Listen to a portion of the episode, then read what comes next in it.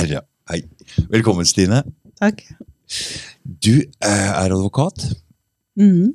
og dere har tatt på dere en sak nå eh, med to damer som eh, har blitt tvangsmedisinert og inn i psykiatrien. Mm. Fortell litt om den situasjonen som foregår i psykiatrien med den tvangsmedisineringa der. Ja, jeg kan kanskje begynne litt med den saken vi har, da. Ja. Um, for vi representerer da to damer som har vært i psykiatrien Ja, Inger Mari hun har vært i psykiatrien siden 88. Åh, Um, men hun har da hatt elleve innleggelser fra 88 til 2016. Mm. Merete husker jeg ikke helt uh, datoene på, eh, men det har også vært veldig lenge. 94, tror jeg. Mm. Og, og fram til 2014. Ja. Mhm. Um, men um, disse damene da, de har saksøkt staten med påstand om brudd på menneskerettighetene. Mhm. Og da er det da torturforbudet i EMK, artikkel 3, og artikkel 8, retten til privatliv. Mm. Um, og det de har blitt utsatt for, som de mener er krenker deres menneskerettigheter, det er da tvangsmedisinering med antipsykotika. Um, og at de har blitt holdt på isolasjon, Mm. på ja, sperret inn på rommet. Um, ja, utsatt for skjerming, kalles det ofte i Norge, da. Du låser døra? Um, I noen situasjoner så kan de bli sperret inn på rommet, men um, stort sett, ja. Men i hvert fall så I Norge så har man jo Norge er det eneste landet i verden som sier at skjerming er behandling. Um, men det skjerming er, det er jo å på en måte bli skjermet fra omgivelsene. Mm. Um, og da kan man også oppleve isolasjon, ikke sant? At Mhm. man ikke får være sammen med andre pasienter. At man blir holdt inne på et bestemt fysisk sted. Da. Mm. Uh, Og så kan I perioder så kan det jo være sånn at man faktisk også låser døra i visse situasjoner, da, som Mhm. de har opplevd. Mhm. Eh, Du sa noe om rom. Beltereim og belting og sånn. Ja, Merete hun har opplevd å bli liggende i belter. Hvor lenge ligger man sånn i belte? Nei, det, altså, lovens krav er at du bare får lov til å ligge i belte, eller du skal bare ligge i belte så lenge det er nødvendig, og det er en løpende vurdering. Mm. Eh, Så man skal egentlig bli løslatt fra beltene med en gang det ikke er nødvendig lenger. Eh, Nå har jo Sivilombudet, altså Hanne Harlem og Sivilombudet, har jo avdekket at det foregår veldig mye ulovlig beltelegging i Norge. Mhm. Eh, Men det har vært veldig få saker oppe i rettssystemet. Mm. Også fordi man ikke får det dekket Du får ikke saksomkostningen dekket da, hvis du skal prøve det. Nei. Så dere jobber eh, hva du sa, eh, pro bono?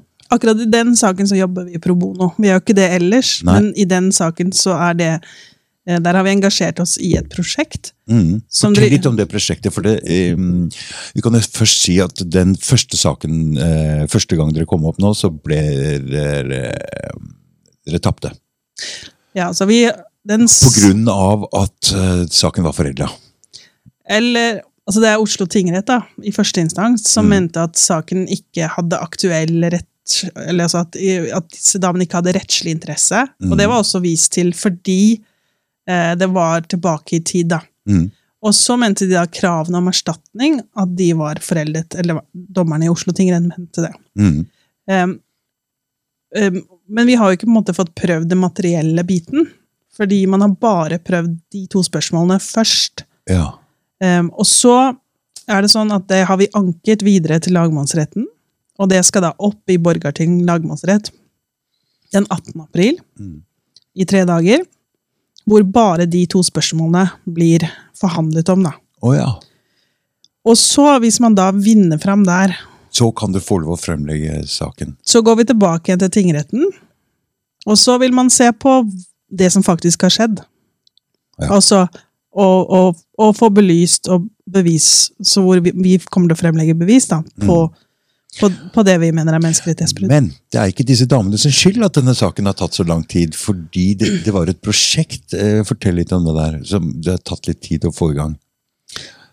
Um, altså um, Nei, altså, vi har jo Vi har jo jobbet så raskt vi kunne, da. Ja, ja, ja. Eh, også, men, men altså, det var da eh, International Commission of Juris, ICJ Norge, som hadde en eh, utlysning ute hvor de eh, ville, sa de at de ønsket å prøve de eh, psykiatrisakene vi har i Norge, menneskerettslig.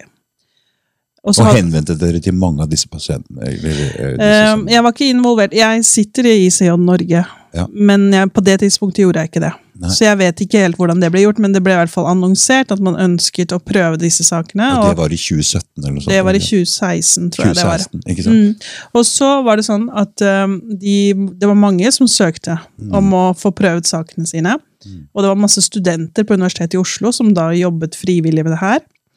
Og gikk gjennom alle journaler, eh, og så tok de på en måte stilling til saken. Lagde en innstilling. Så gikk det videre til den gruppen av advokater som sitter i ICJ sitt retts, altså psykiatri- og rettsvernsutvalg. Mm. Med blant annet Ketil Lund sitter der, Helge Hjort sitter der, Mm. Hege Orrefellen sitter der. Mm. Og så så de på de sakene, og så var det mange av de sakene som ble valgt ut for å gå videre. Mm. Og så var det advokater som hadde sagt at de var interessert i å gjøre det frivillig. Um, og så ja, føre sakene gratis, da. Mm. Eh, og så ble det fordelt videre til advokater. Eh, og så har det jo tatt tid eh, å få inn den stevningen. Um, ja, det er ulike grunner til det, men eh, det har jo også vært eh, Noen advokater har slutta, og det er Ja. Mm. Så, Så- det har tatt tid. Så det, Det er egentlig tid. ikke disse damene sin skyld at dette på en måte har blitt foreldre, fordi de var interessert i å ta det Nei, men altså, det, vi, det er ikke foreldet. Nei, Det er, altså, ikke vi mener ikke det. Nei, vi mener men- at det er feil dom fra ja, ja, ja, ja. Oslo tingrett. Mm. Så, så vi mener at den foreldelsesfristen ikke er brutt. Ja, for- Så selv om de måtte mene det, så mener vi det er feil. Og det er det som forhandles om nå, da. Men- Det er jo, mm, det har jo blitt, eh, I pedofilisaker for eksempel, så er jo foreldelsesfristen blitt tatt bort. For det kan jo ta litt tid Mm. før du faktisk kommer så langt unna at du ser at du er blitt utsatt for et overgrep også. Eller Mm. vil ta den kampen. da. Og så kan det jo være kanskje en, det kan jo være et argument om kan egentlig menneskerettighetsbrudd bli foreldet, da. Mm, I seg det, selv. har jo, og det er jo en annen ting med tapt barndom og disse sakene, så får man jo erstatning. Mm. Og det er jo noe som kommer i lang tid etterpå. Ja. gjerne. Men ikke sant, det, vi, er ikke, vi er ikke ferdige med denne saken. Eh, så det jeg sier her nå, så jeg, så jeg vil helst ikke si masse argumenter og feil, eller, eller forhåndsprosedere saken. ja, ja, mm, Eh, men, eh, men vi mener jo den dommen fra Oslo tingrett er feil. Mm. Men, men um, så får vi se hva som blir resultatet i lagmannsretten og eventuelt Høyesterett videre, da. mm. Men um, mm. Du, da kommer vi litt inn på det der med um, Hvordan er det egentlig folk blir lagt inn sånn? Hvem er det som egentlig bestemmer at du skal tvangsinnlegges, eller sånne ting? Hvem er det som tar de avgjørelsene? Det er en lege som tar den avgjørelsen. Så det er jo kanskje gjerne pårørende som blir bekymret da, Ikke sant? over at ja, den de har kjære, begynner bare å være, oppføre seg annerledes. Mm. Og så vil man gjerne da bli tatt uh, til en lege. Det skal være en personlig undersøkelse. Mm. Uh, og så kommer man inn um, på akutten, så blir man vurdert igjen da, Mm. av nye leger. da. Akutten for Psykiatri. psykiatri ja. Så, men det er jo sånn som de klientene vi har, da. Så er det ikke det at de blir lagt inn i seg selv som de har noe imot. Nei. Eh, For de vil gjerne ha hjelp, Mm. men det er måten de blir behandlet på når de først kommer på sykehus. da. Mm. Fordi nå prata vi jo litt opp om psykoser og sånne ting, og jeg har jo sett mye fordi jeg har vært i det miljøet jeg har vært, og folk som har brukt amfetamin, og de går i psykoser, og det er jo noe som går over, Ja, de aller fleste psykoser går over av seg selv. ikke sant? Mm. Hva er en psykose egentlig? Er det en Eller jeg veit jo egentlig hva det er. men, Men det eh, kan jo utarte seg litt forskjellig, men det er litt sant? det der at man mister kontakt med virkeligheten og, og får kanskje sånn, ja, et alternativt virkelighets, virkelighetsforståelse. mm, Eh, Det kan jo gjerne være litt sånn eh, at man blir veldig eh, spirituell, eller Ikke sant? Altså, du kan, eh, du, kan, du bør ikke være noen fare for verken deg sjøl eller andre. nei, det er jo, det er jo egentlig veldig mye myter rundt det når, man snakker, når, man, masse når du leser aviser eller hører på TV, så, så hører man jo veldig ofte at og psykose, psykose, da er man farlig. Mm. Um, og det er jo veldig, veldig få pasienter det gjelder, som blir farlig i en psykotisk tilstand, da. Ja. Um, men um, ja, så det er vel Jeg satt og leste på en forskningsrapport fra NTNU i dag, og da er det vel um, under 2% som da av de pasientene som um, Som da er um, voldelige, da. Så det er jo veldig, veldig liten andel, men det er jo alltid de som trekkes fram i mediene. Mm. Um, og du vil jo ja, ikke sånn Typisk Kongsberg-drap. Du vil alltid få de verste Ja. sakene, og det er da fokuset og interessen til media kommer. Og så får man på en måte den um, ja, veldig fordommen, da, å, å skape et falskt bilde. Um, jeg syns også det um, Vi har jo mange klienter. Jeg syns det er en økende tendens til at man karakteriserer personer som har fått psykose, som farlige. Eller listen for å bli karakterisert som farlig blir veldig lav, da. Ok, så, så når du sier vi får flere og flere klienter, for det, øh, får dere masse sånne klienter siden dere har denne saken her, eller er det sånn at dere Ja, er spesial, har- spesialisert dere på dette området her? Altså, vi jobber mye med de sakene, og da får du Du får må, Ja, det, mm. det genererer seg selv, på en måte. Ja. Så vi jobber mye med det feltet. Ja, men jeg jobber jo også med andre saker. Mm. Um, så, så, men, men det har jo vært Vi har ganske mange klienter som blir innlagt på tvang. Mm. Eller som er på tvang. Så, så vi har jo mange pasienter som, som kommer opp får hjelp av oss, da. Mm. Mm, eller- Det, så det øh, De vil ha hjelp, Ja. men de vil ikke ha den typen hjelp som foregår der inne. Ja, de fleste. Mm. Mm. Hva, hvordan er det for de, for, Hva er det de opplever hva, som de mener at de ikke ville ha tvangsmedisinering, og de vil ikke hvordan, hva, er det de øh, Så jeg tror For de som ikke har opplevd det, så tror jeg det er veldig vanskelig å sette seg inn i. Hva, er det som, hva vil det si?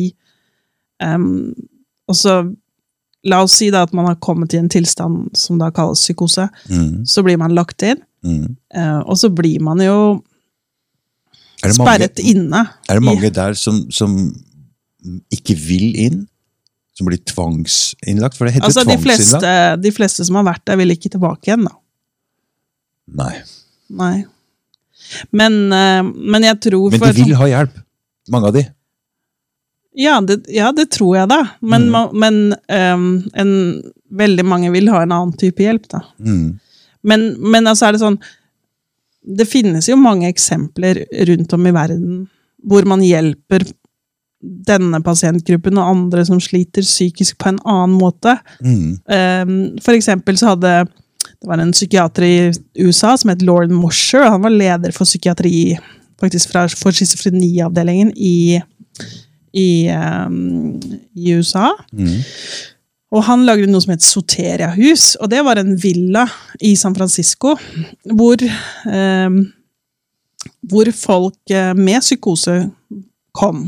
Mm. Og han hadde egentlig et forskningsprosjekt, fordi han delte han, eh, delte, han fulgte en del pasienter, og så putta han halvparten inn i Soteria-huset, og så resten, eller den andre halvdelen, gikk inn i, i, da, i, um, inn i vanlig konvensjonelt sykehus. Og så sammenligna han de to gruppene. Mm. Og så fulgte han de to gruppene, hvordan det gikk med de underveis. da. Men det Soteria-huset det hadde han da fått eh, midler til å drive. Og det var da drevet av um, De fleste personell der var ikke helsearbeidere i det hele tatt. Men han la veldig vekt på at de hadde ekstra em, altså empatiske egenskaper. Mm. Um, og det han gjorde, og så bestemte han seg, eller det, ideen hans var å ikke bruke antipsykotika. Mm. Minst mulig, da. Så tok han denne gruppen i Soteria, og de på en måte levde jo da um, helt normalt i, i denne villaen. Uh, og så lot altså poenget uh, Jeg tror filosofien var på en måte bare å være der i den tilstanden de var i. Mm. Uh, og, og det var sånn hvis noen trodde på en måte at det var At det var en ufo som kom Mm, i parken mm, mm. klokka tolv, Ja. så gikk eh, han, eh, eller pasienten og en av medarbeiderne de gikk til parken og satt og venta på ufoen. Okay. Og så kom det ikke noe ufo klokka tolv. Mm. Eh, og så, ja, ja, så hadde man opplevd og erfart det, da. Mm. Så det var på en måte bare å på en måte, Leve gjennom den psykosen. Gå gjennom ja, og så, det, og så målte han resultatene. Hva skjedde med de som var på vanlig innesperret på lukket post, og, og de som bodde i den villaen? Hvordan gikk det med disse menneskene? Han fulgte de hele veien. Og da viste det seg at etter seks uker så var det like mye reduksjon av psykose for den gruppen som ikke fikk medisiner. Mm. Så, du, så etter seks uker så var det lik, du kunne ikke se noen forskjell, det var lik reduksjon i psykosesymptomene. Mm. Men etter to år så går det veldig, veldig mye bedre med de som var i Soteria-huset. Eh, de har signifikante bedre resultater, både på boevne, jobbevne, sosialevne. Mm. Eh, mens den andre gruppen ble kronikere, da. Veldig mange av de. Mm. Da kan vi gå litt inn og snakke om hva er antipsykotika og disse antidepressiva og disse greiene som de blir dytta inn på. Jeg er jo ikke lege, da, Nei. så jeg kan jo ikke svare hva det er. Men eh, det er jo en dempende altså Antipsykotika er jo på en måte demper. Mm. Dempende. Fordi, hva heter det? Suprex? Suprexa. det er en veldig Dempende, for det høres ut som suppress. ikke sant? Ja. Men det demper jo. Men samtidig, antipsykotika det er på en måte et nytt navn. Før så het det nevroleptika. Okay. Og når det først kom, så var det jo uh, kjemisk lobotomi. Ja. Som de omtalt, ble omtalt som, da. Mm. Fordi først så hadde man jo lobotomi, Mm. og så, man, eh, så kom det da noe som heter klorosapin på engelsk. Og det var, det var da egentlig noe de hadde brukt på franske soldater. Um, og ja, det var jo sånn i forhold til De hadde, hadde gitt det for å berolige det ved en operasjon, eller sånt, og så prøvde de det på Mm. psykiatriske pasienter, og da merket de på en måte at de ble roligere, da. Eh, em, Men det har aldri vært noen forsøk på disse medisinene. Så det har aldri vært noen godkjente forskning som faktisk eh, har ja, altså det, Du har ikke hatt noen forsøk hvor man har sammenlignet disse gruppene med og uten, fordi alle har bare blitt gitt det. Men det har heller aldri vært noen ordentlig seriøse forsøk. Det er bare blitt innført. da. Mm. Så, så, så det den historien der at det først så begynte det Men du, hva er forskjellen på antipsykotika og antidepressiva? Em, det, er, det er vanskelig for meg å svare på hva som er forskjellen der. Ja. Vet, Men det er det sterkere for antipsykotika? Er det noen sterkere greier, eller er det um, Du nevnte det der Cyprexa. Er det antidepressiva eller antipsykotika? nei, det er antidepressiva Nei, det er antipsykotika, da. Ja. Cyprexa er det. Mhm. Em, men de har vel de skal vel ha forskjellige virkestoffer, da. Ja. Men, uh, men som sagt, jeg er jo ikke lege, så jeg kan ikke svare på det. Men, men, men forskjellen i det Altså, altså De sier at antipsykotika skal på en måte dempe psykosen, på en måte, men egentlig så bare demper det systemet. Mm. Um, og sånn som Peter Gjørtse sier, så kunne man like godt brukt sovemedisin for å på en måte berolige kroppen. fordi hvis man er i en psykosetilstand, så er man også ekstremt stress, i en ekstremt stressituasjon. Mm. Og så kanskje har man manko på søvn, og sånne ting, og så vil det dempe veldig. da. Mm. Um, så, men um, ja. Nei, jeg er jo ikke noen medisinsk ekspert, så jeg vil ikke gå ut på sånn der, eh, hva er det Nei. forskjellen, men, men noen medisiner er jo eh, Ja, de er jo Altså, det er jo forskjell på bivirkninger på Ja, Mm. sånne ting Så det fins forskjellige, men det, det som kalles for SSRI, det er, uh, Det er antidepressiv. det er Men du hadde jo den der lege... lege eller s- altså, disse gamle demenspasientene. Okay. Det, de ble jo gitt Risperdal. Risperdal er jo antipsykotika. Da ble de skjeve i ryggen. Det som kom i avisen nå denne Det har jeg ikke lest. Å. Fortell. Men det var jo ja, det var jo demenspasienter som får da en haug anti, antipsykotika. da. Og så fikk de jo da, fikk de da skjev rygg av Risperdal. Og Risperdal er vanlig. Det er mange som får Risperdal i dag. Unge mennesker. Ja. Så det er ikke bare gamle mennesker som får det som skjer med kroppen når du, du får skjev rygg av det? Ja, nei, De gamle menneskene på det, i den artikkelen fikk i hvert fall skjev rygg av det. Det er en haug av bivirkninger. Uh, som, um, nå kjenner jeg ikke så godt antidepressivens bivirkninger, men, men det er litt sånn um, Det er seksuell dysfunksjon, um, det kan være ja, legge på seg. Legg, ja, veldig mye vektoppgang, men der er det jo forskjellig på disse stoffene. ikke sant? Mm. Det er Så jeg jeg ser jo dette blir brukt som Så hvis du har en vanskelig livssituasjon, da, blir du depressiv og lei deg, og sånne ting, og så får du dette stoffet her for å holde ut den situasjonen, på en måte, ser jeg. Men det er mange som opplever at det er veldig vanskelig å gå av. Og, så må man få hjelp da, til å gå av, fordi det på en måte krever nedtrapping ofte. da. Mm. Noen klarer å slutte, men brått. Men, eh, men, men det anbefaler du absolutt ikke, og det gjelder både antidepressiva og antipsykotika. Og da kan man jo oppleve på en måte angst, eh, søvnløshet, eh, nye, så nye psykoser, bråseponeringspsykoser eksempel.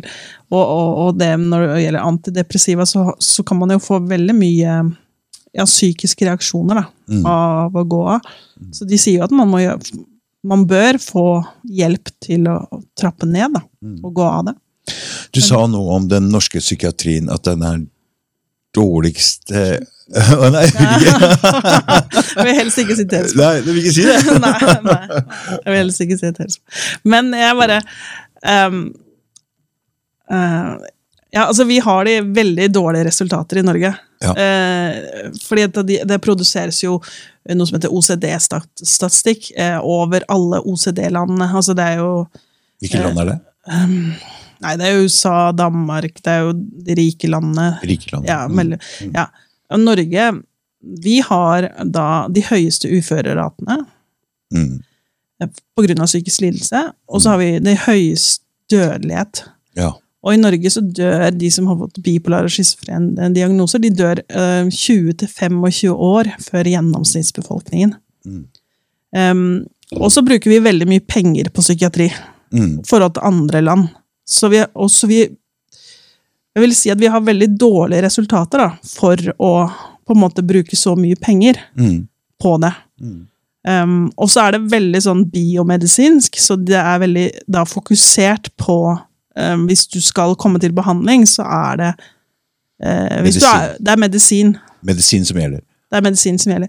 Mm. Og det du snakker om, at kjenner noen som er isolert, ikke Mm, sant? og mm. sitter isolert og bare får medisin um, Det er veldig viktig med sosiale tiltak, da. For, Klart å, for å få Mm. Mm. for å bli frisk, da. Um, men um, også er det litt sånn Hvordan er det man kan gjøre det annerledes, da? Mm. Uh, og, og, og, og der har jo Fordi dette her engasjerer jo mye bredere enn bare Norge. Eh, og FNs spesialrapportører, eh, den europeiske menneskerettighetsrapportøren har engasjert seg.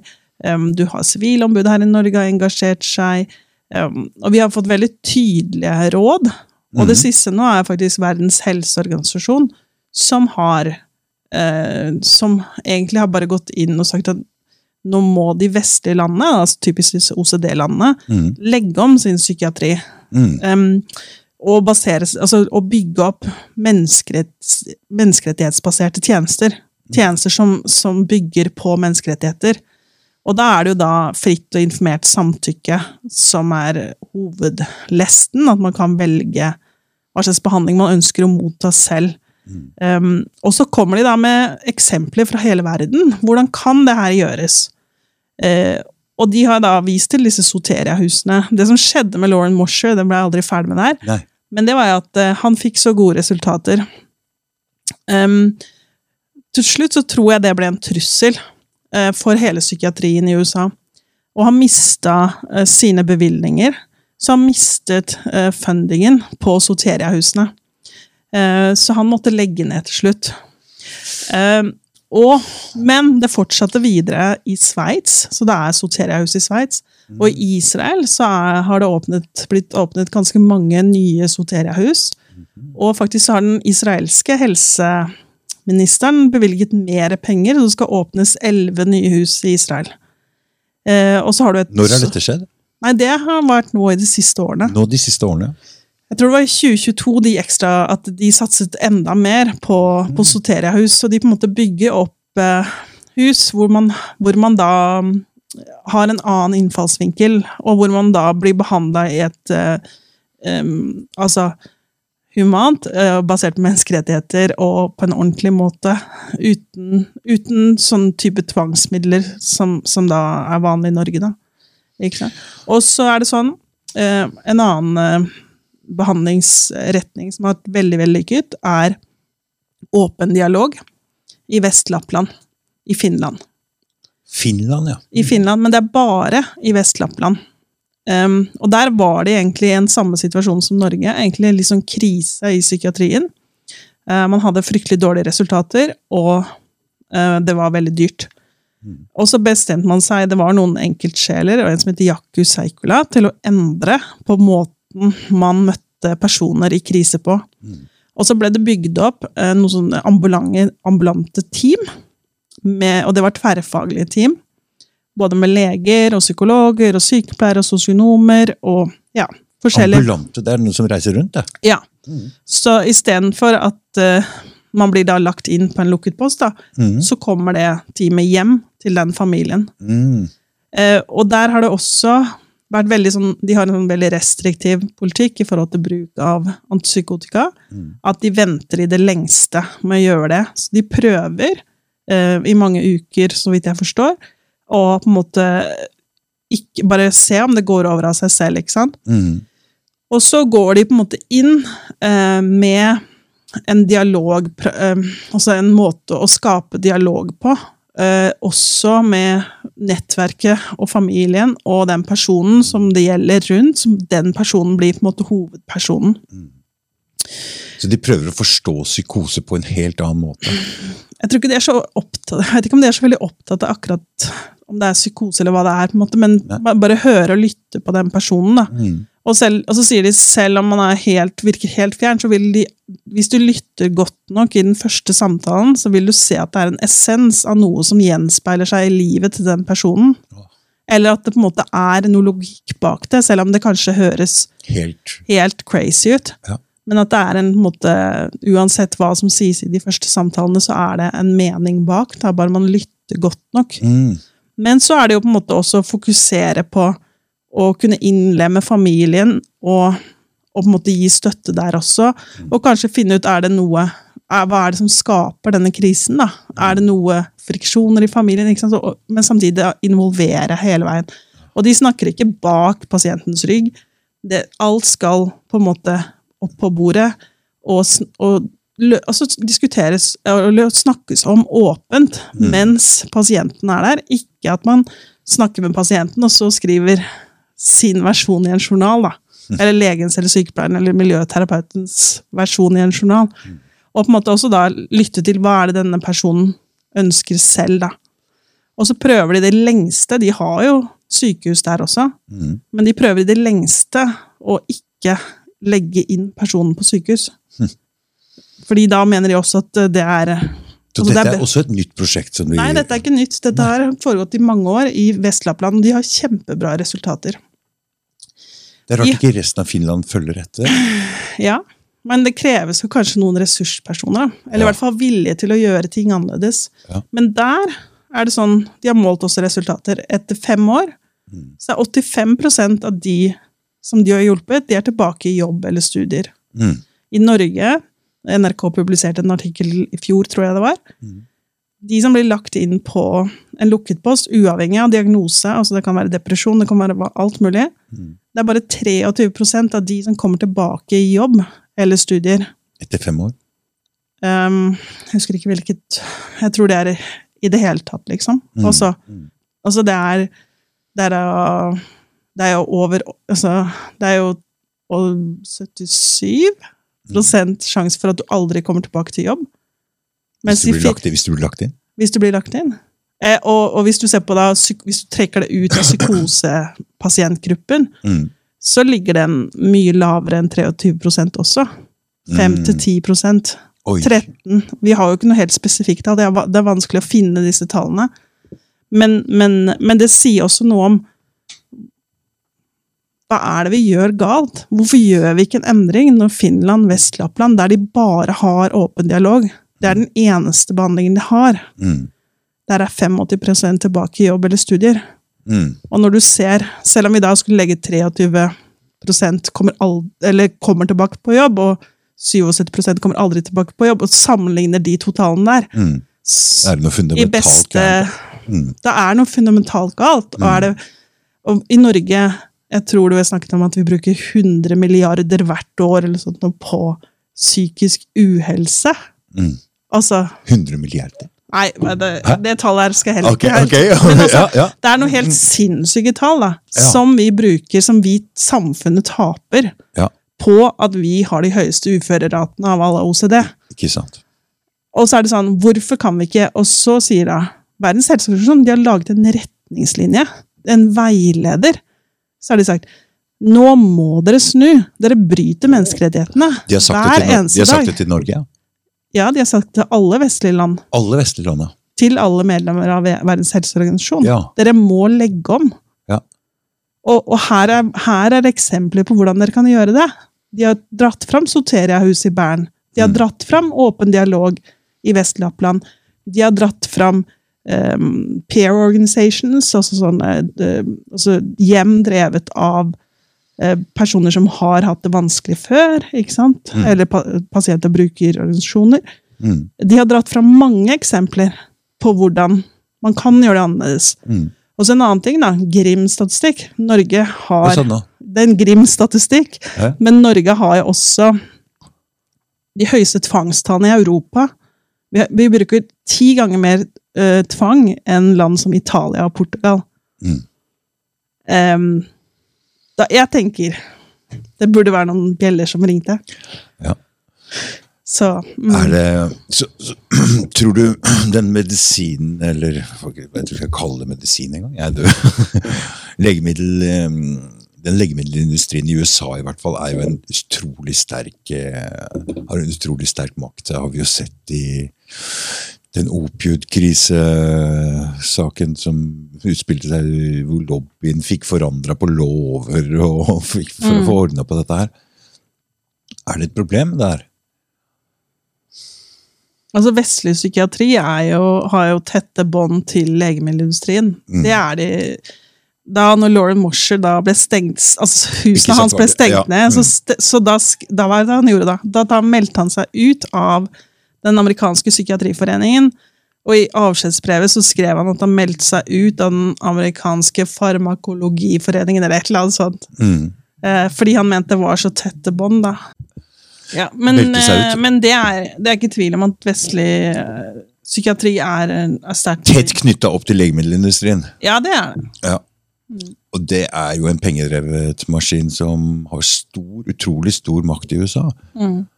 Den lobbyen der har mulighet til å gå inn og forandre lover og har såpass mye penger, så Men jeg tenker jo at det er jo ikke det det går på i Norge, da. Det Nei. går mer på um, vilje, da. Eller kanskje politisk overstyring, eller på en måte ja, evnen til å ta inn over seg det som kommer fra Verdens helseorganisasjon, mm. og, og gjøre noe med det. For det, er, det handler jo om å legge opp til et Men altså legge opp og, og endre systemene, på en måte, da. Mm. uh, og, ønske, å- og ønske å gjøre det.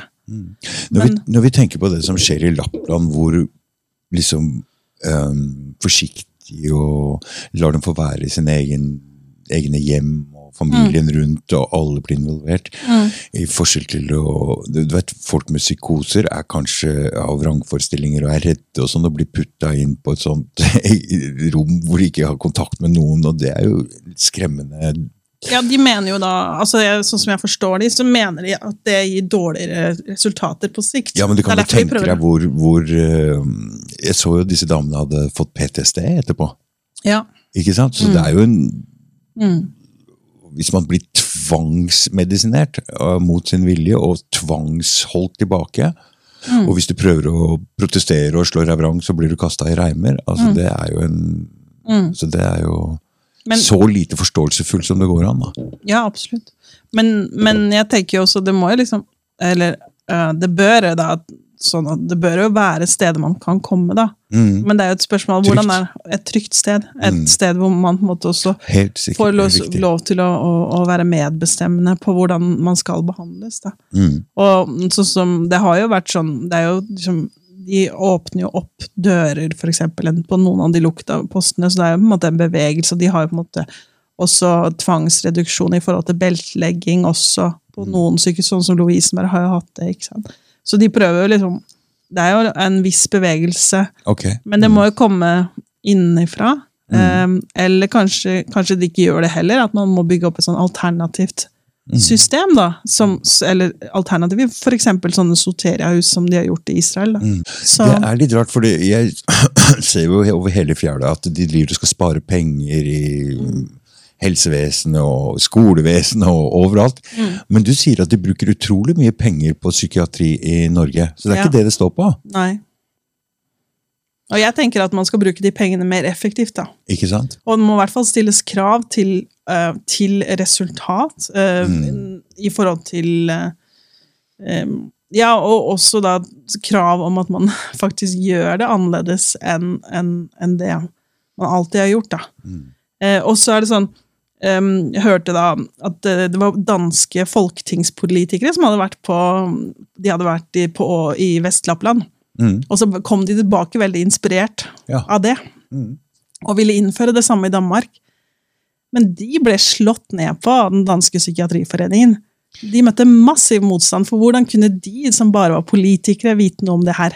Mm. Så det ble aldri noe mer av den type behandling i Danmark på grunn av det. Og, det, og det, det er det jeg tenker at det er så mye, ekstremt mye motstand, da. Eh, på å gjøre hvorfor tror du det egentlig, Stine? Altså, jeg, det er jo veldig vanskelig å tenke at Forsvarer man- de sin egen posisjon? Ja, jeg tror det. Ikke sant? Jeg tror det. Ja. Mm. Ja. Det tror jeg. Hva skal til for at noe blir Jeg mener at det skal overstyres av politikere. Ja.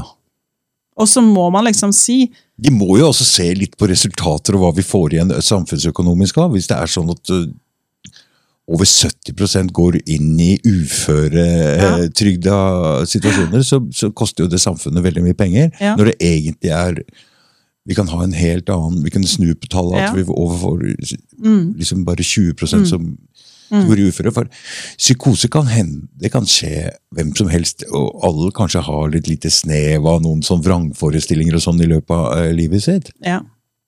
Det er Men det gjelder jo ikke bare psykoser, det gjelder jo depresjoner. Det gjelder jo liksom, Ja. ikke sant? det gjelder depresjoner òg, ja. Ja, den, den, den statistikken som jeg viste til med den, de 7, 77 prosentene, så er det ikke skilt på diagnose. Altså jeg prøvde å finne noe statistikk på det, men det, det fant jeg ikke, da, for det var ikke skilt på de forskjellige diagnosene. Og depresjoner er jo noe som blir ramma alle og enhver kan bli ramma av. Det er jo ikke noe tvil om. Mm. Alle merker jo at det kan være tunge perioder i livet sitt med Absolutt. Ikke sant? Så- Men jeg, jeg tenker liksom, det er uansett, da, så, så kan det ramme Er du uheldig, så kan du få de verste psykosene også. mm, Av en vanlig livskrise. ja. Um, så, så det er ikke Hvor mange personer snakker vi om her egentlig, Stine? Eh, Det har jeg ikke tall på. Det vet jeg ikke.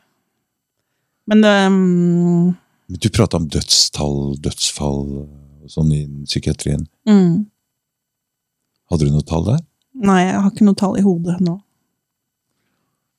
Men det er um, Ja. Det er ganske mange. Vi kan jo regne med at uh, mange av selvmord i Norge er uh, Altså Det er jo en form for depresjon eller psykiatri. Det må jo ha noe med psykiatri å gjøre når man tar selvmord. Jo, men um, altså, jeg tror ikke de dødstallene mm, Det er ikke nødvendigvis selvmord de reflekterer, da. For det er også somatiske sykdommer. Som hjerte- og karlidelser.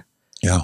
Eh, også sånn for eksempel type overvekt. Um, og så vet man at disse medisinene gir veldig mye overvekt. Mm. Eh, veldig sånn eksplosiv. Noen av de, sånn som den Cyprexan, for eksempel, så blir man jo Får man legge på seg raskt, da. Mm. Mange, mange liksom 50 kilo. Oi. Eh, 30 til 50 ikke sant, sånn. Så, og, og, mm, så det er jo veldig mye hjerte- og karlidelser, da. Mm. Så det er ikke nødvendigvis bare selvmord, men selvmord Vi har jo også veldig høye selvmordstall for de som har eh, kontakt med psykiatrien. Og da tror jeg Aftenposten hadde noen tall som sa annenhver dag før. Altså Mm. annenhver dag så dør det en person som har i psykiatrien. Som har enten eh, som er altså inpatient or outpatient, så er ute eller inne. Mm. Så annenhver dag. Så det er jo veldig, veldig høyt tall. Veldig. Mm. Men de, disse tallene er så gamle. Det var Aftenposten som publiserte det for, en, for noen år tilbake, da. Men, men det som er viktig å huske på, er at disse 20-25 år er faktisk eh, Det knytter seg til somatisk dødsfall. 20 til 25 Hva sa du? 20 til 25? År før gjennomsnittsbefolkning. Ja. Somatisk. Mm. På grunn av medisinene, ja. Forkorter levetida di. Ja, altså det er jo veldig mange, mye forskning som, eller flere forskningsrapporter som tyder på at det er medisinene som forkorter levealderen. Da. Ja, for det veit ikke. De bare sier Jo. at folk innen psykiatrien dør Ja. 20-25 år før. Hvis jeg sier det i retten, da, så sier staten ja, men det er fordi at uh, psykiatriske pasienter lever så usunt. Ok, Eh, ja. Mm. eh, men, eh, men Men det er mistanker om at det kan være Nei, det er faktisk en del forskningsrapport. Det er jo blant annet en, det var en doktorgrad fra, fra NTNU, og der er det jo vist til flere forskningsrapporter som viser at det er medisinen medisin medisinen som gjør det. Ja, en, en, ja, en del tilfeller så er det det. Mm. Så mm. Men jeg sier ikke at det trenger ikke å være sånn at man for eller mot medisin. Um, det handler jo om For det første så handler det litt om hva er det den personen selv ønsker. Mm. Um, og noen vil jo kunne føle at de har en effekt. Mm. Um, Mm. men, For dette er noe med menneskeretter igjen. Du, du, du, Ja. men jeg, men, jeg mener jo da personlig at, at det må være et valg man får lov til å ta. mm. Eh, og at man bare kan, vente ut en periode før man begynner å gi den type medisin, fordi det har så mange bivirkninger. Eh, sånn at du for eksempel da veldig mange psykoser går over i løpet av fire til seks uker, at man venter til en viss karens tid, da. Mm. Og så, og så, så kanskje, kanskje man velger å ta det etter hvert, men, men at i hvert fall man får mulighet til å, å komme seg gjennom uten, Uten det. hvis man ønsker det. Hvis man ønsker det. Prøve Men å komme det, seg gjennom hvis man uten. sier det høyt, så blir det jo på en måte Da blir man jo slått massivt ned av legene, og bare 'Å, hvordan skal det gå?' Ikke sant? Og da blir det helt kaos inne på de lukka postene og sånne ting. Men da må man kanskje se på ja, men kanskje vi skal begynne å se på å behandle folk annerledes, og Mm. gjøre sånn som Verdens helseorganisasjon sier. For det er ikke uten grunn at Verdens helseorganisasjon går så tydelig ut at de kommer med, med en retningslinje. På Mm. hvor, og det er jo de store internasjonale helsepolitiske føringene Mm. på hvordan vi bør gjøre ting. Og jeg syns det er så merkverdig at det ikke er noe ehm, at ikke, altså Når det gjelder korona, eksempel, så er man så fokusert på hva Verdens helseorganisasjon Ja, sier. Men det på det det- feltet her, Mm. eh, hvorfor er det ingen vilje til å høre på Verdens helseorganisasjon? Ja, for der var jo alle fulgte WHO eh, anbefalinger, anbefalinger, Ja. retningslinjer. Ja. Det er merkelig, ja. Mm. Så der ja.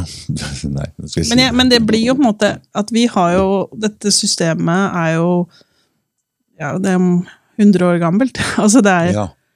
sant? det er en sånn eh, Jeg tror det er veldig vanskelig å liksom tenke at nå skal vi gjøre noe annerledes, når det Mm. alltid på en måte er vært sånn, og man liksom får, kanskje får inn nye medarbeidere, så lærer man seg til at det er dette som er riktig, på en måte. Mm. Um, og dette er riktig behandling, og så blir det en liksom polarisering.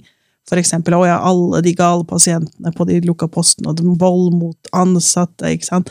Og bare skal du vite der, men samtidig, det å bli låst inne når man ikke er kriminell i utgangspunktet, Mm. eh, for lukkede dører, og Sivilombudets rapporter viser jo at det er veldig lite luftmuligheter.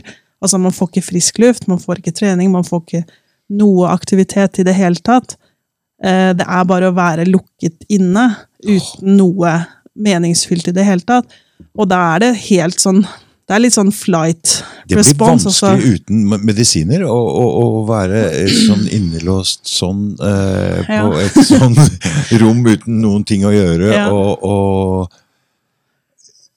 jeg, jeg skjønner jo at de må medisinere folk i den eh, Ja, men da blir det også en veldig sånn eh, kultur Altså, altså eh, også når man setter sånne restriksjoner på mennesker som egentlig er vant til å være ute fritt i samfunnet, og så skal man Ja. altså liksom, Så er det kanskje en del sånne eh, husregler, og får ikke lov til å gå ut, og, og det måtte provoseres jo fram på en måte også reaksjoner, men det sies man alltid fordi man er i fordi man er syk, men Du samtidig kunne så jo kan prøvd å putte en vanlig frisk menneske inn i Ja. en sånn situasjon og Ja. sett hvordan de hadde takla det. ja, Og her skal du gjøre det med en syk person. Det blir jo bare helt feil. Ja, og det ser du også på mm, Det er mye høyere eh, voldstendenser inne på lukkede poster enn når de samme pasientene kommer ut ikke sant, i samfunnet og er i samfunnet og får behandling kanskje i samfunnet. da. Så er det sånn, Jeg satt og leste på det i dag, faktisk, og da var det 32% vold inne på post, og så var det 8 eh, da ute i samfunnet. Men så var det da med noen sånne just, justeringer på, på antall pasienter, antageligvis, så var det da under 2% som i det hele tatt var i risikosonen for å utøve vold. da. Mm.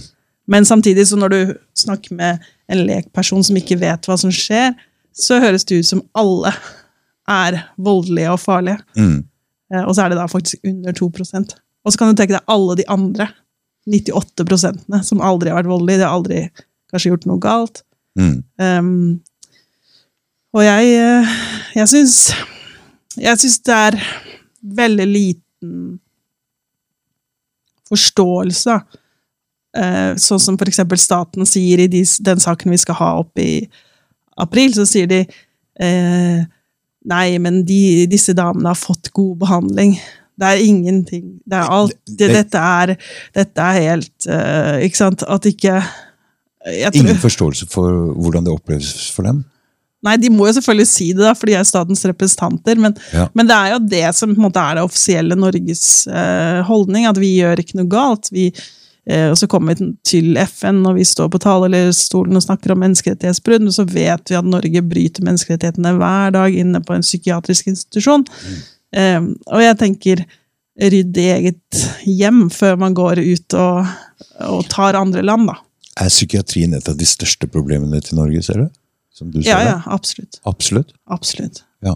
Men det er, det er jo Altså, man har jo veldig dårlige forhold i mange fengsler også, men det er i hvert fall sånn som jeg kjenner fengslene Jeg kjenner ikke det så godt, men man har hatt på en måte liksom en mer humanistisk dreining i forhold til det å skulle rehabilitere og få personen ut igjen da, i samfunnet, ikke sant? Men, Nå, men rett før du kom, så satt jeg og prata med en venn av meg, og han sa, spør henne om eh, Eller han hadde lyst til at noen skulle snakke om alle selvmord som foregår inne i fengselet, og hvordan de låser inn egentlig folk som skulle vært i psykiatrien. Sånn, for det, sånn blir det jo sett fra inni fra fengselet, ikke sant? mm, Det sitter jo folk inneløst der som ikke skulle vært der i det hele tatt. mm. Men da sa du Pest eller kolera, altså. ja. Ja. Så det er ikke noe bedre å sende dem til psykiatrien, for det er ikke noe bedre der. De er nesten bedre at de har det i fengsel, men du vet, der um, sitter mange av de sitter innelåst eh, i De også, samme. På polstra celler, ikke sant? Og- Jo, jo, og- men det er jo helt forferdelig, de isolasjonspraksisene som man har i fengslene. ja. Men samtidig så har du jo også de eksemplene av fengsler hvor du har sosialt samvær, hvor du Ja har jobbtilbud ja, ja, og sånne ting. Mm, da. ja. Og det Mm. har man jo ikke i Du har jo ingen aktivitetstilbud uh, i en en lukka post. Mm. Det eneste tilbudet du får, er medisin. Så, så det er jo ingen det er jo liksom, Og det tenker jeg, det, det er ikke noe helsebringende for noen, da. Og så sier de nei, men i en, en akutt fase så kan, kan man ikke gjøre noe annet enn å medisinere. Nei, for de har Men ikke det- TV, de har ikke data, de har ingenting inne på det rommet, eller? Nei, det er det ikke. Det er bare helt strippa. Det er bare en seng, og så er det kanskje Kanskje det er et bord. Eller så er det bare en seng. Men da kunne du tenkt deg å tatt inn en vanlig person inn der og klart seg 68 uker på inn på et sånt rom uten Ja. noe stimuli, uten noe lufting, uten noe Ja. Det Mm. er ikke lett. Nei. Da skjønner vi nesten at de i den situasjonen de må medisineres. Det er i situasjonen som må, mottaket må, må- være helt annerledes. Men jeg tenker du må ikke det heller. Nei, det, det tror du klarer det uten. om Ja. Det, jeg, jeg, trenger, jeg, jeg tenker Vanlige mennesker vanlige som kommer inn der utenfra gata, som blir putta inn på sånn greie, det er ingen som klarer det. ja, nei, men klarer det, men altså Ah. Men samtidig, da, så, så tenker jeg at eh, altså det går an å gi sånn Eller avhengig av hva en person ønsker selv også, så går det jo an å ja. Ja, gi sovemedisin da, hvis man ønsker å sove, for eksempel. Mm, Ikke mm, problemer med mm. det. Ja, ja, ja. ja. Men jeg, jeg tenker jo egentlig Ja, ikke Jeg- noen medisiner som blir avhengig av det. det Men jeg tenker jo egentlig at man må vekk fra den settingen man har i Ja, dag, med ja, de på en ja. måte postene som man ja, har. det det. Og kanskje da eh, i hvert fall se, se hen til Mm. på en måte åpen dialog, da. Hvordan Mm. er det gjøres i Finland, og så kopiere det, blåkopiere det. Ja. Eh, Men samtidig så har du også den BET-seksjonen på Blakstad. Som det er jo innenfor det offentlige. Mm. Det? Ja, det er den basale eksponeringsterapi som jeg snakket om i stad. Ja. Som da ble trukket fram som, som måte et, ehm, et eksempel til etterfølgelse. Og Mm. det de pasientene som kommer dit, er jo de som ikke føler at de har fått hjelp av vanlig konvensjonell psykiatri. da, Som Mm. på en måte den konvensjonelle psykiatrien har gitt opp. Eksponeringsterapi, hva går du, vet du hva det går ut på? Nei, jeg har helt, jeg har ikke helt oversikt over hva, akkurat hva de gjør. Men Mm. det første de gjør, er å begynne å trappe ned på antipsykotikaen de står på. Det er det første de gjør, ja. Ja, det tror jeg er noe av det første de gjør. Ja. Og, så, og så er det jo på en måte å kanskje å eksponere seg for det som ligger i, i, under der, da, av, Mm. av, um, av problemer. Og så jobbe med, med det som ligger i um, Og jeg vet ikke om de da blir utfordra på å gjøre Eksponere seg for det som kanskje da Disse underliggende problemene, da. Mm. Um, og så er det vel sikkert sånn litt i forhold til Ja, tilbake til der du er, og hvor er det du ønsker å være, og hvor, hvor kan du komme videre? Mm. Hvor mange plasser har de der? Seks, seks ja. Det er det jeg sa i stad. Men de har jo også publisert forskning selv, hvor de på en måte ser på de personene som ikke føler seg hjulpet. Mm. Og det tenker jeg også er veldig sånn Det, virker, det er i hvert fall utenifra så virker det veldig ja, veldig tillitsvekkende. da. At man undersøker hva er det som skjer med de vi ikke klarer å hjelpe. Mm. For de har jo også hatt veldig mange fornøyde pasienter med gode, god, god tilfriskningsrate. da. Mm. Og, men så er det noen de ikke klarer å hjelpe. Og de har de da forsket på. Og det, gir meg, det synes jeg det gir tillit til, til det behandlingsopplegget der. Mm. Koster det mer? I, i forskjell hver pasient? Nei, det, du, det, det kan jeg ikke svare på. Hva det koster, det vet jeg ikke. Det, men det er jo døgnopphold, det også, og så er det vel noen sånne permisjoner og sånn. Så, Mm. mm. Men jeg vet at det har kostet mindre for plassene på Hurdalssjøen enn det det koster å ha en pasient inne på en lukket post. Ja. Mm. Men Så det, det blir jo nå det, står, det er ikke et økonomisk spørsmål, egentlig? Og dessuten samfunnsnyttig, eh, sånn etterpå, Mm. eh, samfunnsøkonomisk, så, så er det jo helt klart lønnsomt å få folk tilbake ut i jobb og sånn. Ja. Så der vil det jo lønne Mm. seg. Mm. Absolutt. Så det er egentlig økonomisk Mm. lønnsomt å bruke de andre alternative metodene å behandle folk på. det de har forsket på i Vest-Lappland, i Åpen dialog, det Ja. er at de har, eh, de har spart masse penger på åpen dialog.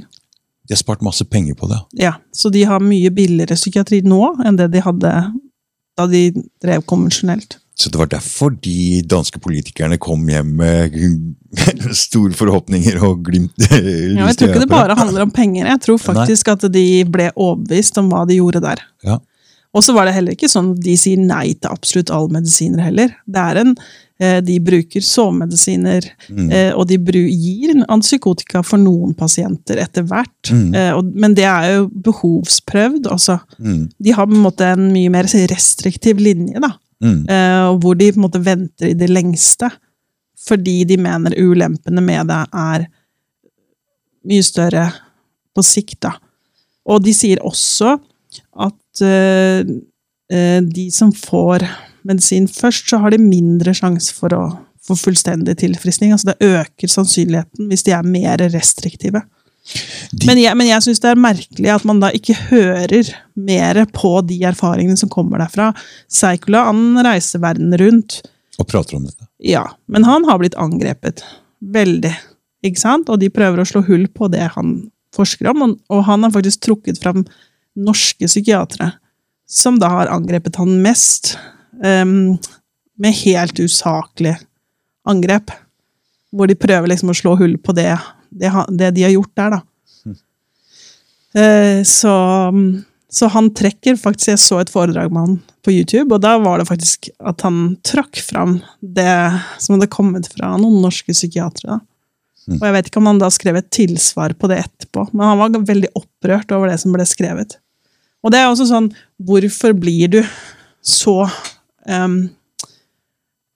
ute etter å på en måte ødelegge for noe som er annerledes, og som har mye bedre resultater enn det, det som er? Burde man ikke ha en eh, Burde vi ikke ha en, et fokus på det som virker?